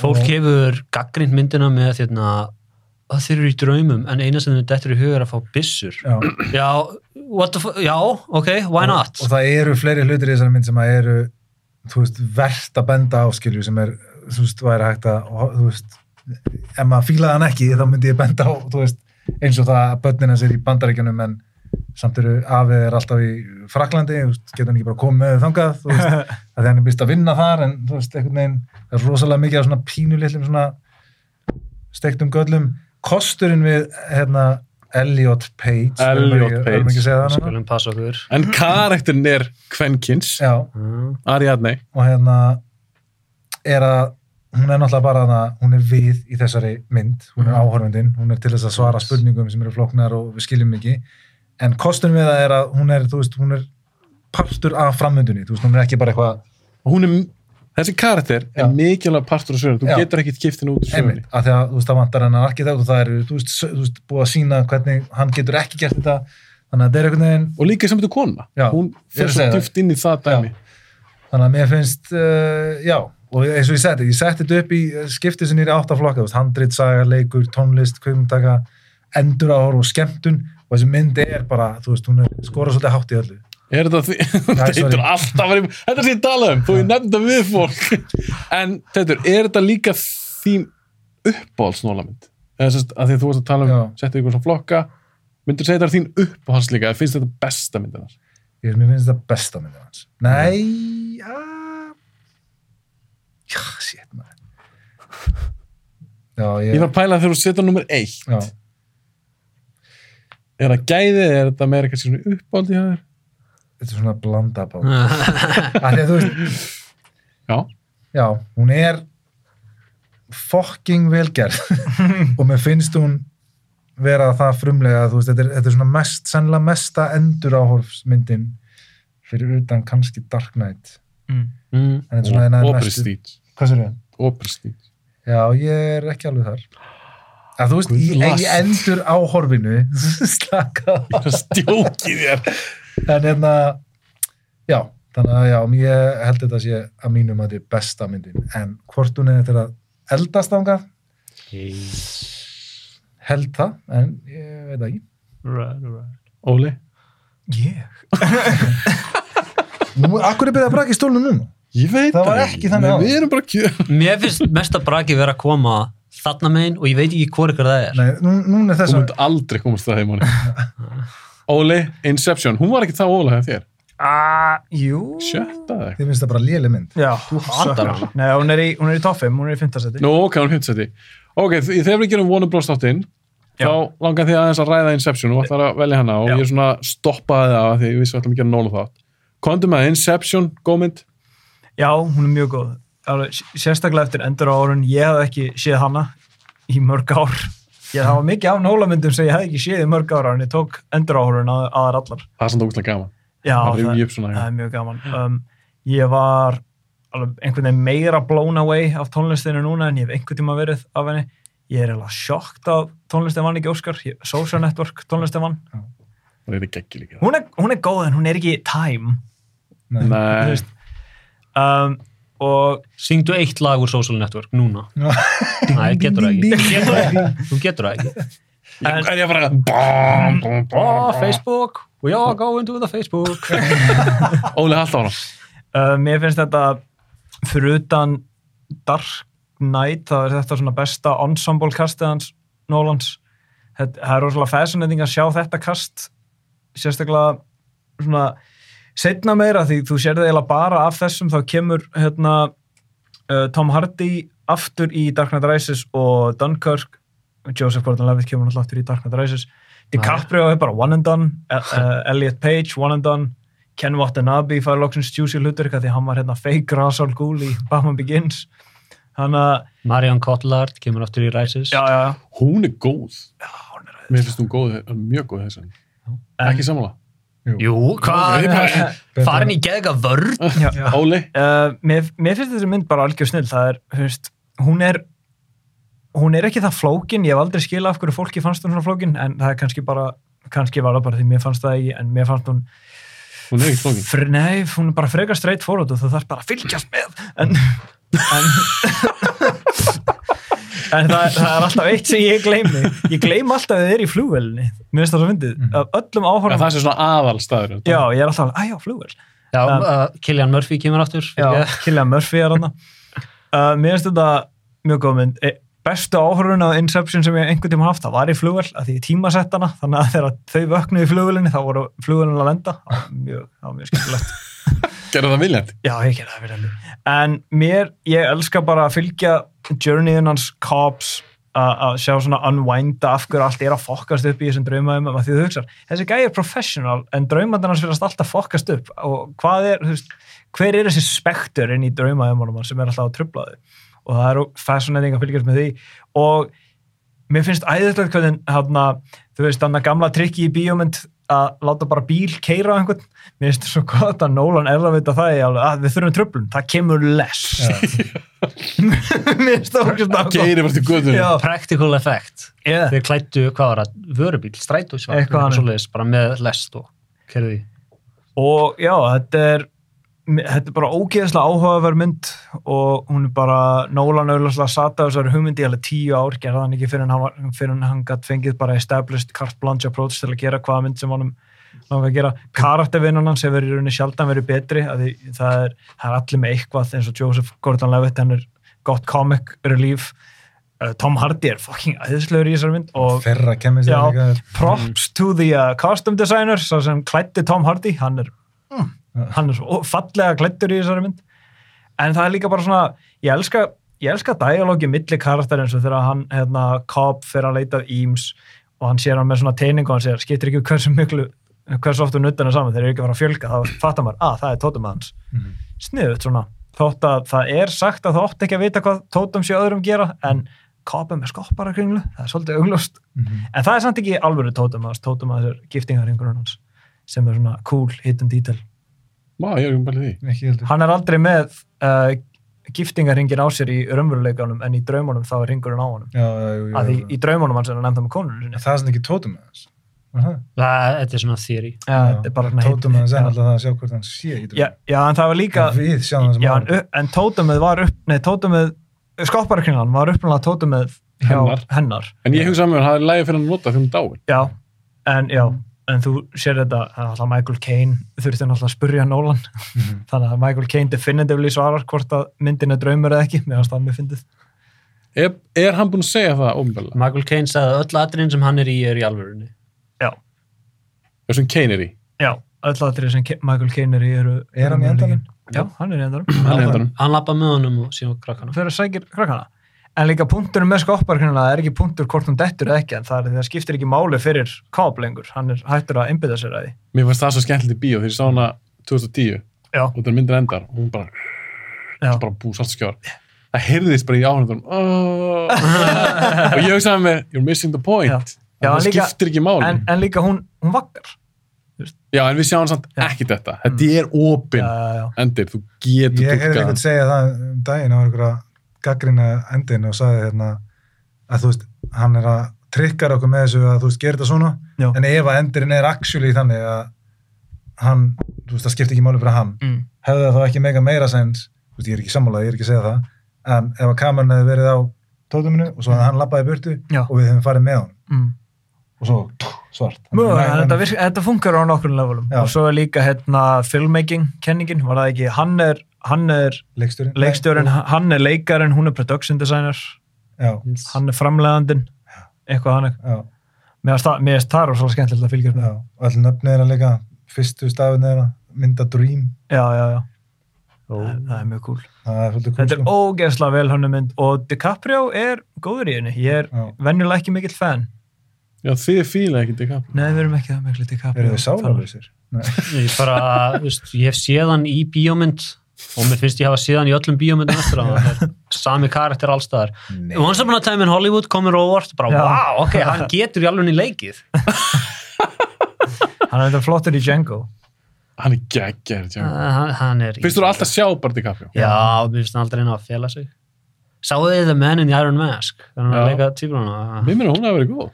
hún, hún er sér hún er ekki jafn slæm og þú myndir halda hún sé Nei, ég, mér myndi hún hefur verið góð. Nei, veist, ef þú lítur tilbaka svona á þessum tíma að gera svona myndir á þessum tíma, þetta er svona að þetta eftir að vera crap. Hún er surprisingly ekki rusl. Ok, Jeremy. Irons er í henni. En það er skemmtilegt líka við Inception er bara, ég hef rosalega gaman um Nolan þegar hann er að leika sér, af því að hann getur verið surprisingly cheeky. Þú veist, eins og hérna, þegar hann er með byssuna og hann segir að hann verður að dreyma stærra. Mustn't be afraid to dream a little bigger, darling. Og kemur með basúku. það er snill. Það er Green Lake. Já, Grenade Launcher, ekki basúka. Já, ég, ég hefði dreymt upp basúka. Ég heit ekki Mínikon. Ok, Máni, Hérna, um, hvernig er þessi mynd? þetta er ör, hún er góð. Er þetta með, að því að Nó, það Nolan gerir myndir um að gera myndir, þú veist, The Prestige, og þetta er alltaf svona, efnið sem hann er að flakka um er alltaf svona the production of a movie á sinn hátt. Þetta gæti verið mest, um, Ég aldrei hugsað það. Samt. þetta gæti verið mest mynd um mynd sem að hann hefur gert og það er, það leiðilegasta við hana er að leyndamálið sem lætur Inceptionið virka í endanum er að þú þarft alltaf að tengja það við eitthvað sterka tilfinningu. Og veist, það er the point á þessari mynd og hann virðist ekki hafa fyllt þessari reglu sjálfur í öllum myndunum sínum sem er örgulega leiðilegasta sem þú getur sagt um þessa mynd að þessi mynd er ógeðslega góð Þetta er svona sem sagt, þetta hjarta sem við ætlum að tala um. Og... Já, og það er, þú veist, the point á þessari mynd er að þú getur gert þetta ef þú tengir þetta við nógu sterkar tilfinningu. Já. Það er svona, Missionið hefnast Já. ef þið ná því. já. Og það er svona, Nolan gleymdi því bara. já, Það er svolítið að píka í þessari mynd, bara á öllum levelum. já. Um, Það er bara svolítið þannig. æðislegt, hérna, að því það er engin annars búin að tala sérstaklega um það, samband hans við konuna og að hann drapa hana, það er að hún alltaf hætti að trúa því að þau voru í raunveruleikunum, af því að hann plataði hann alltaf þess að vilja vakna Mhm. og hann bara, hann gati aldrei laga það oh my god, hversu góð já. Já, það er nefnilega, þetta er sér að tala um. Þarna þegar það kemur í ljós, hann plantaði þessar hugmynd í hausnum á henni og þegar þau vakna, þá hann ennþá í hausnum á henni. hún getur Þá fæ ég bara gæsa húða. Þetta er karakter moment, það sem ég fæ gæsa húð. Mm. Og maður er bara, shit, ertu ekki að djóka, það er hræðileg tilöksun. Já. að því hún var alltaf bara veik konunars og það er honum að kenna Já. og hann horfir á hann að deyja. Mm og það, sér þetta? Það atri þegar hann fer inn á þetta hótelherbyggja var það ekki hótelherbyggja er að og hún er búin að plana þetta þannig hann getur ekki bjargað henni. Nei, og hann verður að stökka með henni að því að lokkan er að koma eftir honum oh, þetta er svo gott Mhm. þetta er geðvegt Mhm. þetta er sér að tala um og þetta líka sýnir að að konseptið af Inception virkar þú getur tróðið hugmynd inn í hausun á einhverjum þess að fatta að einhver setti hugmynd í hausun á þér en þarna var það að það tókst en það mistókst þetta er svona task failed successfully Sýtur upp svo sturlaðan karakter, sko. Mhm. já, E-Cop Já, Já. hann er svo ógeðslega brotin. Ah, svo konfliktið, sko. Geðvikt. og þú finnur til með hann Já, mér finnst líka annað í honum til sem sagt, ég er að Nolan núna nú er ég jákvæður við erum að tala um gott stuff. og nú ætlum við að vera. Þetta er, u- nei. mér finnst hann ná, þetta er alveg high concept mynd og alls konar dóti í henni ég er samt samanlega þeirra alveg, ég, mér er aldrei þátt um flókin Nei. en hún er alveg, þetta er mikil mynd Mhm. mér finnst hann til svo Nolan mér fannst það að vera búin að pæli öll Já. mér fannst það, ég er stundum hort á myndir maður sé kannski eitthvað cool byrjun að er cool concept svo finnuru hvernig það bara svona losnar um það í myndinni sjálfur bara æ, þið voru ekki búin að pæla meir í þessu Mhm. æ, það er hræðilegt En alla reglurnar í myndinni allt, allt er hvernig allt. subconsciousið virkar inn í þessu allt skotelt uh, einmitt bara allt þetta draumadót þú ferði gegnum þessi layers, þá virkar þetta svona þú ert skotin þá vaknar þau, en nei, það er ekki hægt núna þá ferði þarna, þá ferði að gera svona svona minnst þetta allt Það er- það er búið að skjóta hann, þetta er að fara að rinja, okkur vantar meiri tíma, við þurfum að fara jafnvel lengri inn í draumum. og það er alltaf eitthvað stakes Yes. Og hún er svo ógeðslega leiður líka með það að gera að hún virkar í rauninni fyrir alla sem áhörundur þar er það. Að þetta er spennuminn, þetta er thriller, Hasar. þetta er drama, hasa, þú veist, þetta er einhvern veginn, Mm. þú veist, ef þú fílar ekki söguna, þú getur samt hort á hana, þú veist, að því hún er bara geðveik, skilur. Þú veist, hún lúkið á henni, þú veist, þetta er spektakul, hún er einhvern veginn fyrir alla. svo er alltaf líka að því hún fjallar um drauma Mhm.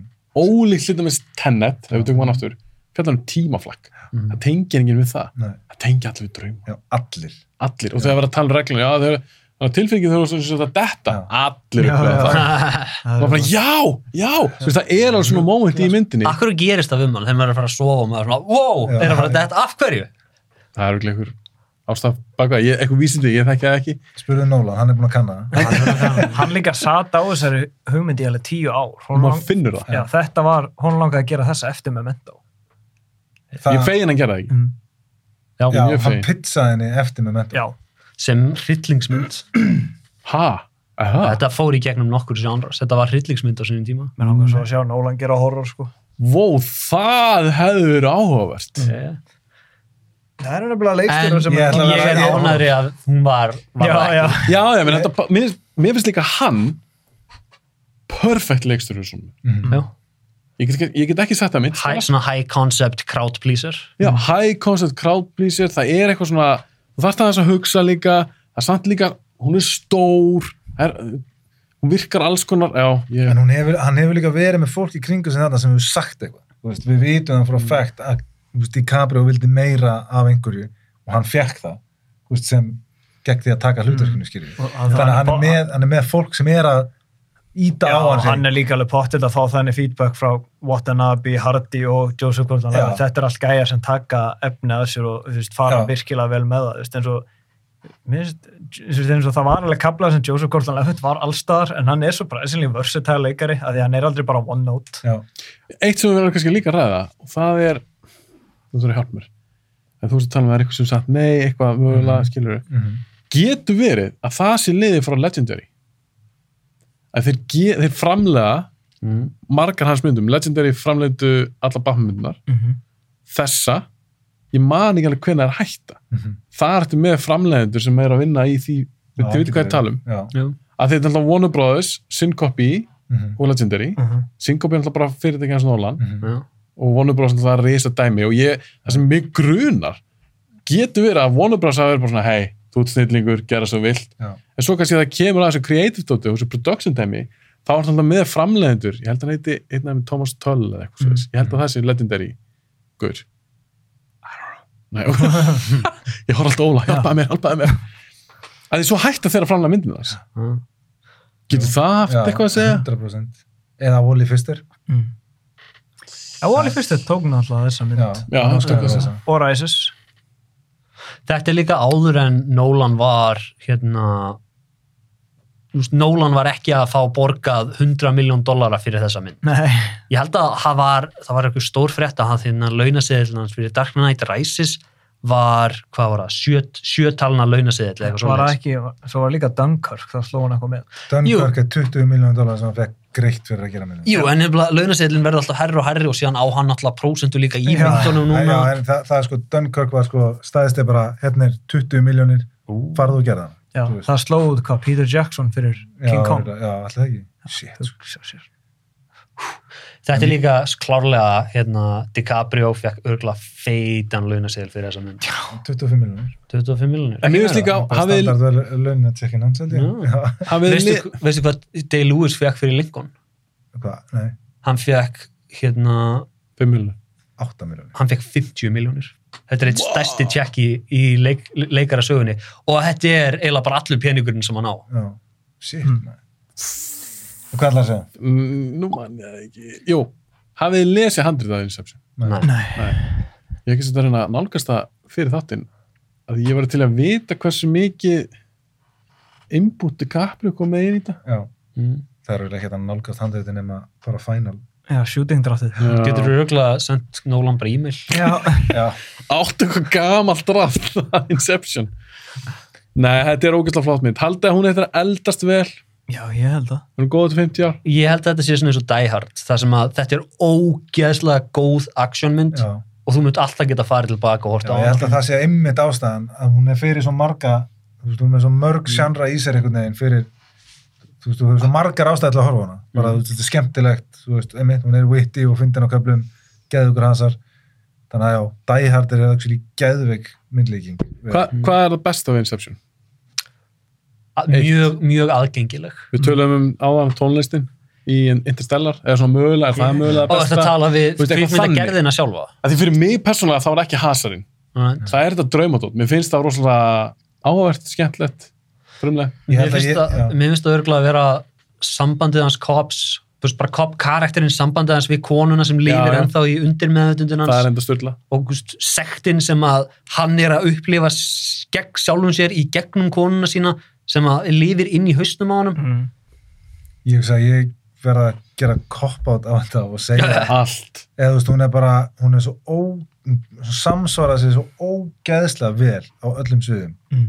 þú veist, þetta er svo perfect casting, kvikmyndataka, tónlist setting, þú veist, location þú veist, það, það er allt einhvern veginn bara já, já, þú veist, þú veist, svo, hvað, hvað er þetta, svona as- asymmetrisk skilur Já, já, myndin skilur þannig að, er þetta heilstiftasta myndinars Já. svona upp á svona að veginn. Ég myndi segja Dark Knight Dark Knight og Inception.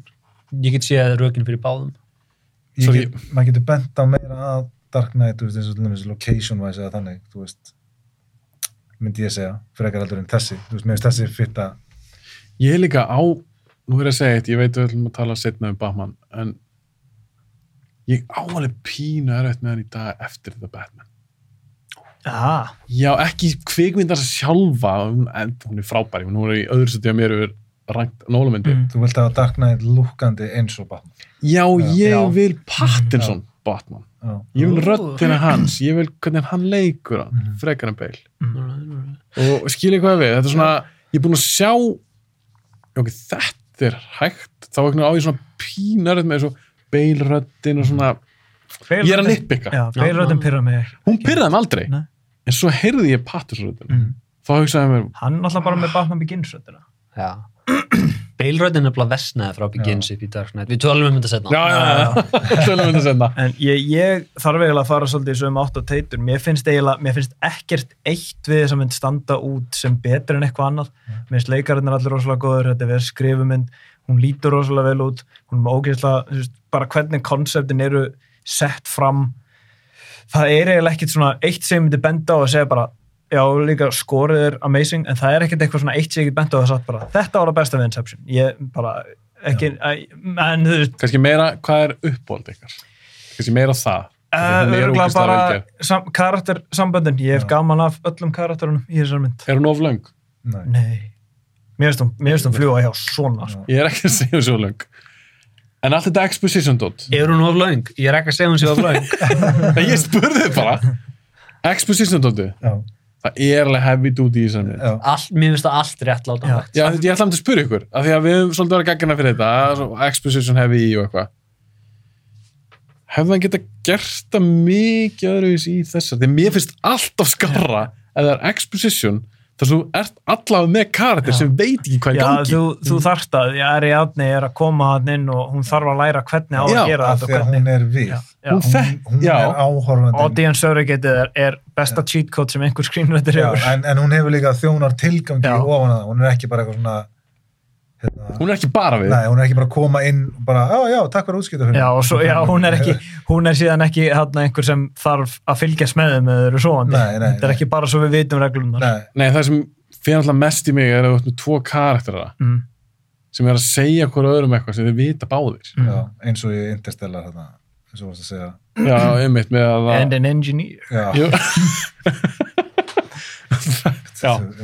En já, expositionið tröflaði mig svo sem ekki, en þetta er rosa mikið, en maður er einhvern veginn út af DiCaprio, já, karakterum hans, maður er með honum í gegnum alla mynd. já, líka út af því að expositionið í þessari mynd er til að útskýra drauma Já, sem að er eitthvað sem þú veist af.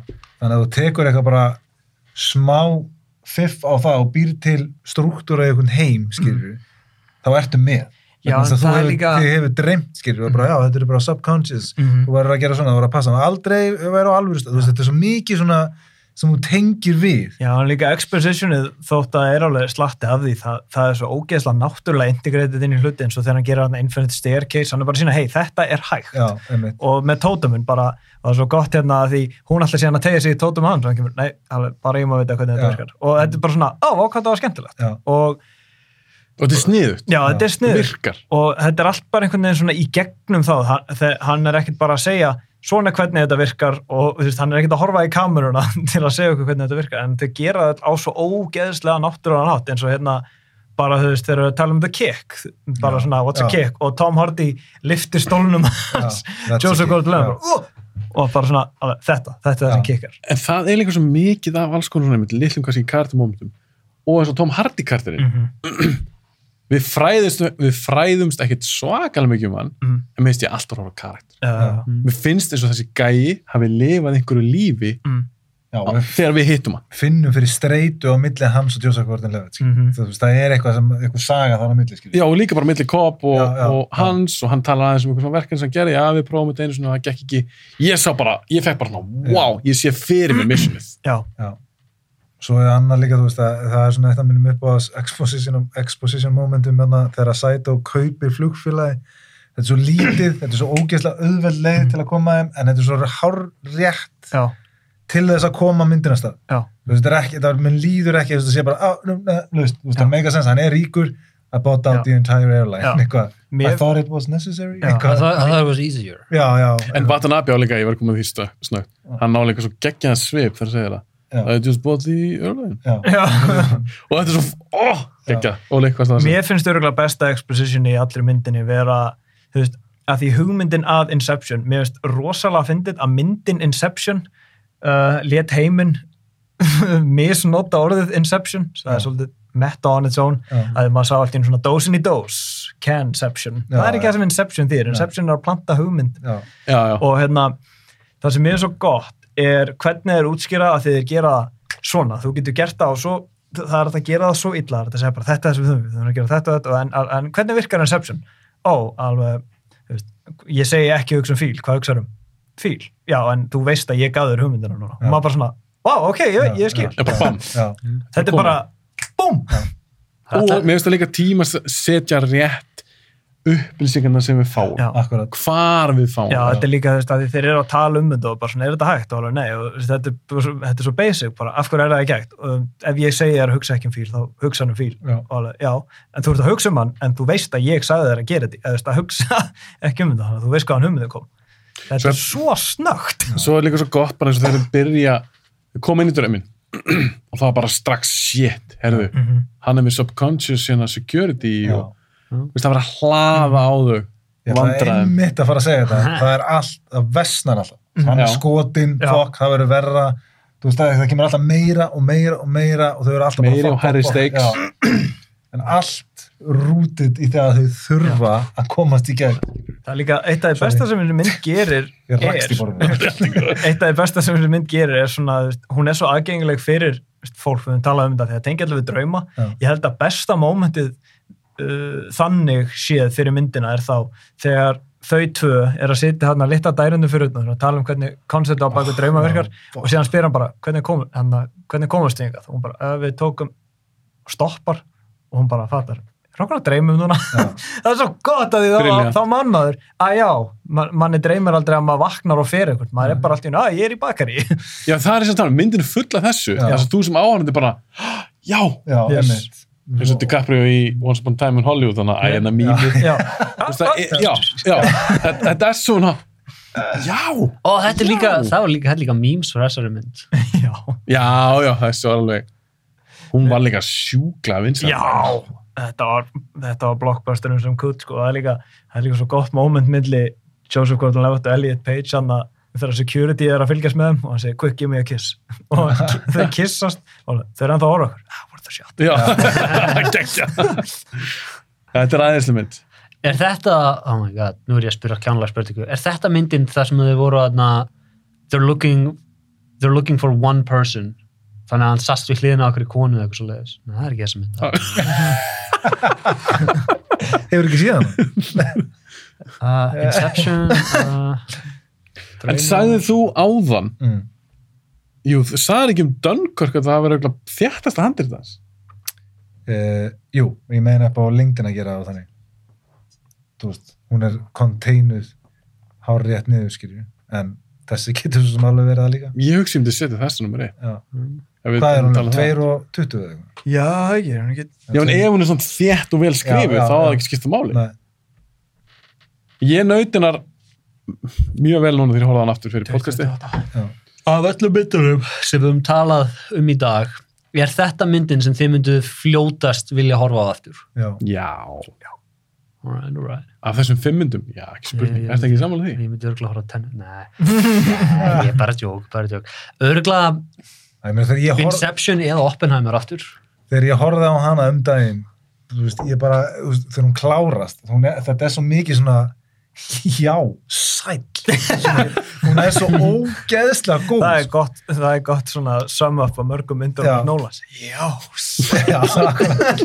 Nei, hún er er bara svo- þú veist, bara endur maður einhvern veginn, maður er svo mikið já, maður fær svona svona sömu tilfinningu þegar Dark Knight klárast, maður bara, já, sæll Já, Það er líka svo gegg. það er fokkin góður endir god damn ok, hvað segi? Vil ég ræða eitthvað meira varandi Inception?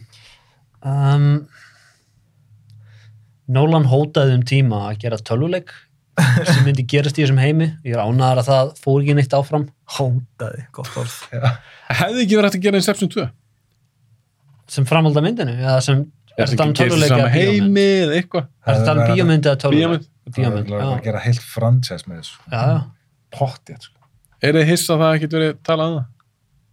Já, er ekki Nolan svolítið þannig? Ég bara held- one and done. ég held að ef Inception kemi í dag, þá hefðu þeir reynda franchise of the shit out of this Já, ég held sér þetta ég held samt að þetta sé líka að því að þetta er svo mikil Nolan mynd og þeir hefðu vita að við þurfum þá að fá Nolan aftur Já. og við erum að borgunum þú veist, nýju miljónir eða eitthvað að leikstur að Dark Knight Rises og ef við ætlum að fá hann til að gera aðra Inception mynd þá er það bara jafnvel herri launaseðill þannig að Ég geti líka alveg trúið með lengdana sem að tók að skrifa þessa mynd og, og melda hann og svona mér finnst þess að það sett bara allt í þessa. Þú veist, það er örugglega ekkert eftir fyrir númer tvö. Nei, Ég hva, myndi hvað aldrei gerur vilja í sjá framhaldi? Ég myndi aldrei vilja sjá. Það er ertu ekki með Cobb þú veist, ég er að tala um bara í þessum sama heimi. Að Hardy eða eitthvað sé aðal karakterinn. Æ- og ég vil ekki sjá. Máni, ég vil ekki sjá. Ætli þetta sé síðasta myndin sem hann gerir sem að hann er búið, þú veist, áður en hann fer í feril það sem hann er ekki með neinar hún þá meina það að þeim leiðan klára þessa mynd þá er hann að byrja bara clean slate skilur Já, það meina að já, hann hafi ekki verið með aðra Inception í skuffinni þess að það er að tala um eitthvað svona annað verkefni sem ég er bara að pæla þessi tíu ár. Já. Já. þú veist að Interstellar hafi komið á tekniborið eftir það, því það sure feels like it. Þú veist, allar myndir sem koma eftir þessari eru bara pínu svona já, niður á við. Var hann ekki var hann ekki, talaði hann ekki um að Tenet var einhver hugmynd sem hann og bróður hans voru búin að vera að sparka á milli sín í einhverjum tíma? Hvað? allan að þú veist, að ég veit ekki. Þetta, Oppenheimer- mér finnst þetta bara að vera svo skýr skipti sko. Það er Oppenheimer bara þegar þessi mynd kemur þá er bara svona skipta ferillina sig í eitthvað allt annað. Já, Eða, veist, þetta er svona, þetta er svona perfect, svona milli punkturinn einhvern veginn. Ertu að segja að hann þarf að taka sér pásu og fylla tankin Já, myndu þið vilja sjá Indiana, nei, Indiana Jones myndina James Bond myndin hans. Ég vil að brokkoli fjölskyldaðan næsta seria af Bondmyndum, næstu 5 eða 6 fáið bara standalone myndir, fáið nýja leikstjóri í hverja og leifið þeim bara endur kasta eins og þeir vilja bara að gera einn svona solo Bondmyndir Vá, ég væri til í það. Það En þú talaðu bara, veist, Idris Elba væri bara einni mynd, svo kannski bara næstur Henry Cavill. Já, svo þú færð bara, heyrðu, Nolan, þú færð að gera þína eigin Já. Bondmynd, carte blanche. Já! Edgar Wright, nú færð þú að gera þína eigin Bondmynd, carte blanche, gerða það svo þú vilt. já. Já, ég væri til í það, Æi. en þeir mun aldrei gera. Ég veit nákvæmlega hvað Christopher Nolan James Bond mynd myndi heita. Þú, segir espionage. Espionage. ég, ég veit það ekki. Ég held Það að, hljómar eins og Chris Nolan. Já, já. já, en ég held orð. ég held að hann geti, ég held að Nolan elski Bond nóg að hann myndi skýra myndin eftir vondakallinum. Mm. Johnny Espionage. Ein spurning, þekki þið uh, söguna með Andersson og allt það, varandi Inception? Já, þarna Don, Don Rosa rönnið þegar bóðin farin í he- drauma heiminn á Scrooge McDuck og ætla að ræna, ræna honum. og svo fyndu eitthvað, þetta er ekkert frumlega, þetta er. Og hann, ó. Já, en ég meina, pa- en ég meina pa, Paprika gerir þetta líka og það er... Já, paprika, einmitt. Don, hvað sér, Don Rosa hann gerði hennar rönnið hans hennar þegar hann skrifaði æfisögunars Jóakims Yeah. æðislegt, en hann skrifaði líka hellinga svona andres öndsögum sem er svona hvað gæ, hvað gæ er þetta, hann skrifaði eina sem að þeir voru að sækja eitthvað skip úr hafsbotni og þeir fylltu það pingpongkúlum Já. til þess að lifta upp og síðan gerðu þeir þetta í alvörunni að því að þetta virkar Þú veist, það er hellinga svona hlutum í hans Einhver steipa sem var sér ekkert steipa. Já, bara svona, þessi gæi í alvörinni sast niður og hugsaði um þetta. Ok, loka orð, Inception. Frábær. Góð mynd. Dröldu góð. Ég verð að segja, mér Hefði finnst verið, hefði verið betra ef þeir væru með tennetvél í henni. Mér finnst líka að þetta er bara tennet vél. Það kom eitthvað gals í liðið. Já, ég held það. Þetta er búin rókslega gæðanstrakar. Ég veit ekki alveg, Deitur, hvenær höldum við áfram með Kristofur Nólan sirpun okkar? Talaðu mig. Já. Eh, Þú ert uppteknastur. Hann er upptekinn, Deitur. Ekkert svona. Hérna, Eru bara náða tróðin allan að einu partí hérna fyrir jól, eða hvernig er það? já, maður. er það ekki? Þetta er ekki, þetta er ekki rosalega seljandi, já.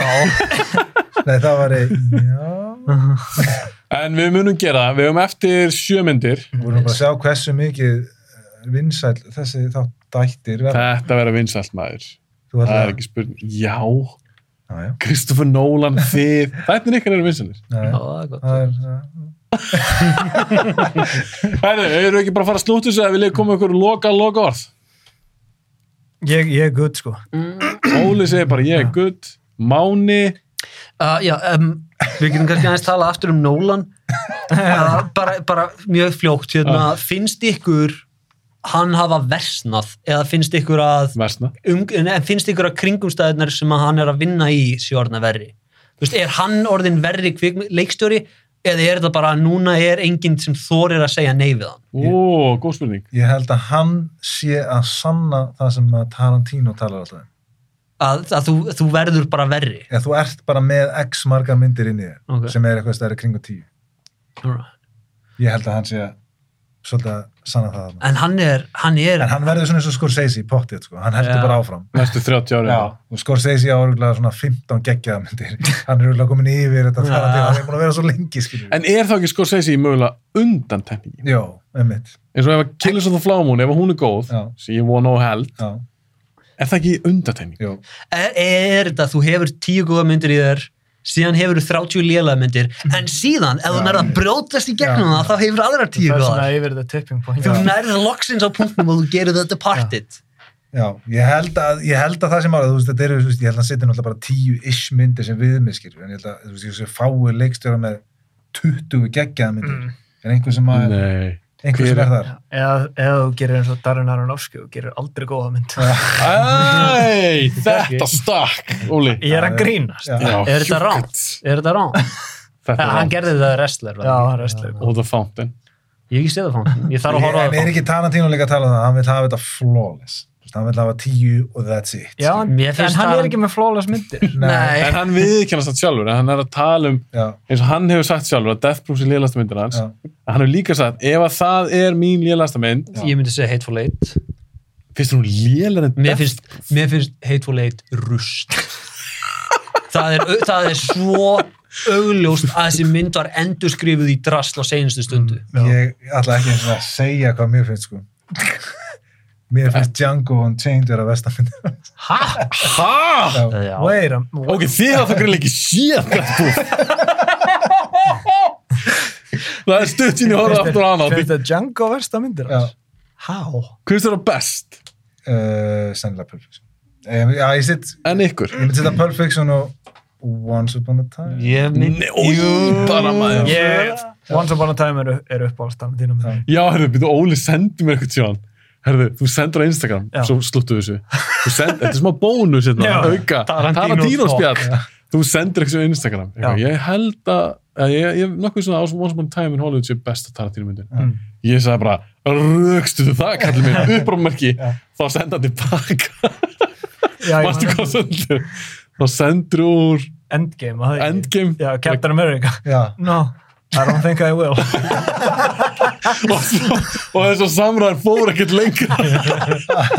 ok, Máni, hvað er þú? Ert þú líki í Hollywood? Ég er í Hollywood, mér fannst Hollywood svo æðislegt því ég horfði á hana ég man, ég, þetta var eitt af svona bestu bíómynda upplifunum sem ég hef verið í þegar hérna loka atrið þegar hann, er- hérna Petter að berjast við Mannsson, Dóti. já, sérstaklega þegar hann hérna er að smassa andlitið á stelpunni það var þögn í salnum og síðan byrjuðu allir að hlæja. það var nákvæmlega sem ég sko. Ég held að það sé svona mynd sem þetta er að eldast fáránlega. Ég held að þetta er svona 20 ári það bara Það var líka atrið þegar Brad Pitt var að þakinu og fór úr bólnum og var ennþá með sixpackið úr Fight Club, það var alveg svona úúúú Já, það var ég, sorry. Ok, þetta er ekki Tarantino þáttur, ég bara, ég, Tarantino. ég trúi þessu ekki sem ég er að heyra. Nei. Þi, það er langt síðan svo stefnbrútið. nei, það er ekki langt sér svona mér finnst hún betri heldur en Quentin. ég horfi frekar á hana heldur en Django það bara er Hvað er það við Django? ég er bara, hún er, hún er ekki nógu vel hérna, Vilgerð? nei það er bara þú veist tónlistin í henni tekum út úr henni Mm. hún tekur mig út úr myndi ég er bara dett Og af út úr henni. nútímaleg. Við, Já. við um þetta horfðum á Pulp Fiction áður við fórum á Once Upon a Time in Hollywood í bíó. Það er rétt. Það var, það Já, var vá, experience. það var, það var sársökafullt. En hún Ha, truflaði ekki mig- þið Pulp Fiction léleg. Nei, en mér fannst hún, hún var betri í minnunu. Maður alveg svona, vá, ég held að það væri 10 af 10, Þetta er 10 þetta af er 10. bara 9 af 10. Þetta er 10 af 10. Já, mér, ég, ég veit ekki, ég, þú veist, Pulp Fiction og Once Upon a Time, þú veist, ólíkar, mér finnst það báðar fokkin Mhm. geðveikt. Ég bara skil ekki þá ákvöðun. Þú ert með DiCaprio og Brad Pitt. Já. Loksinn saman í bíómynd. Mhm. Geggja chemistry. Og þeir eru bara ekki mikið saman í allir myndinni. Nei, Mér finnst það rosa skrítin ákvöðun. mér finnst það geðveikt. Er, er, er þetta orðið hérna Quentofer Tarantino Nolan þáttur? Ok, þetta var smá bónus fyrir ykkur sem nennið það hlusta á. Þú getur sett þetta í svona timestamp Tarantino spil. Tarantino, stutt Tarantino spjall. Það er bara stutt þáttur. Já. það verður þriðið þáttur. Þú sagði hann á TikTok. Já. Tarantino spjall í Nóla þætti. Ok, strákar, við fyrir bara stótt þessu. Ég veit ekki hvenar, þið sem er að hlusta að horfa þennan þátt, ég veit ekki hvenar við gerum næsta að mér. þátt. Nei, ég er ekki, ég er ekki að saka, ég er ekki að saka þetta þínu. En næsti þáttu sem við gerum, Já. Óli og Máni, Mission Impossible. það verður Mission Impossible og það verður bara one part, að þann til að byrja með, við tökum fyrstu fjórar. Strákar, takk fyrir að koma.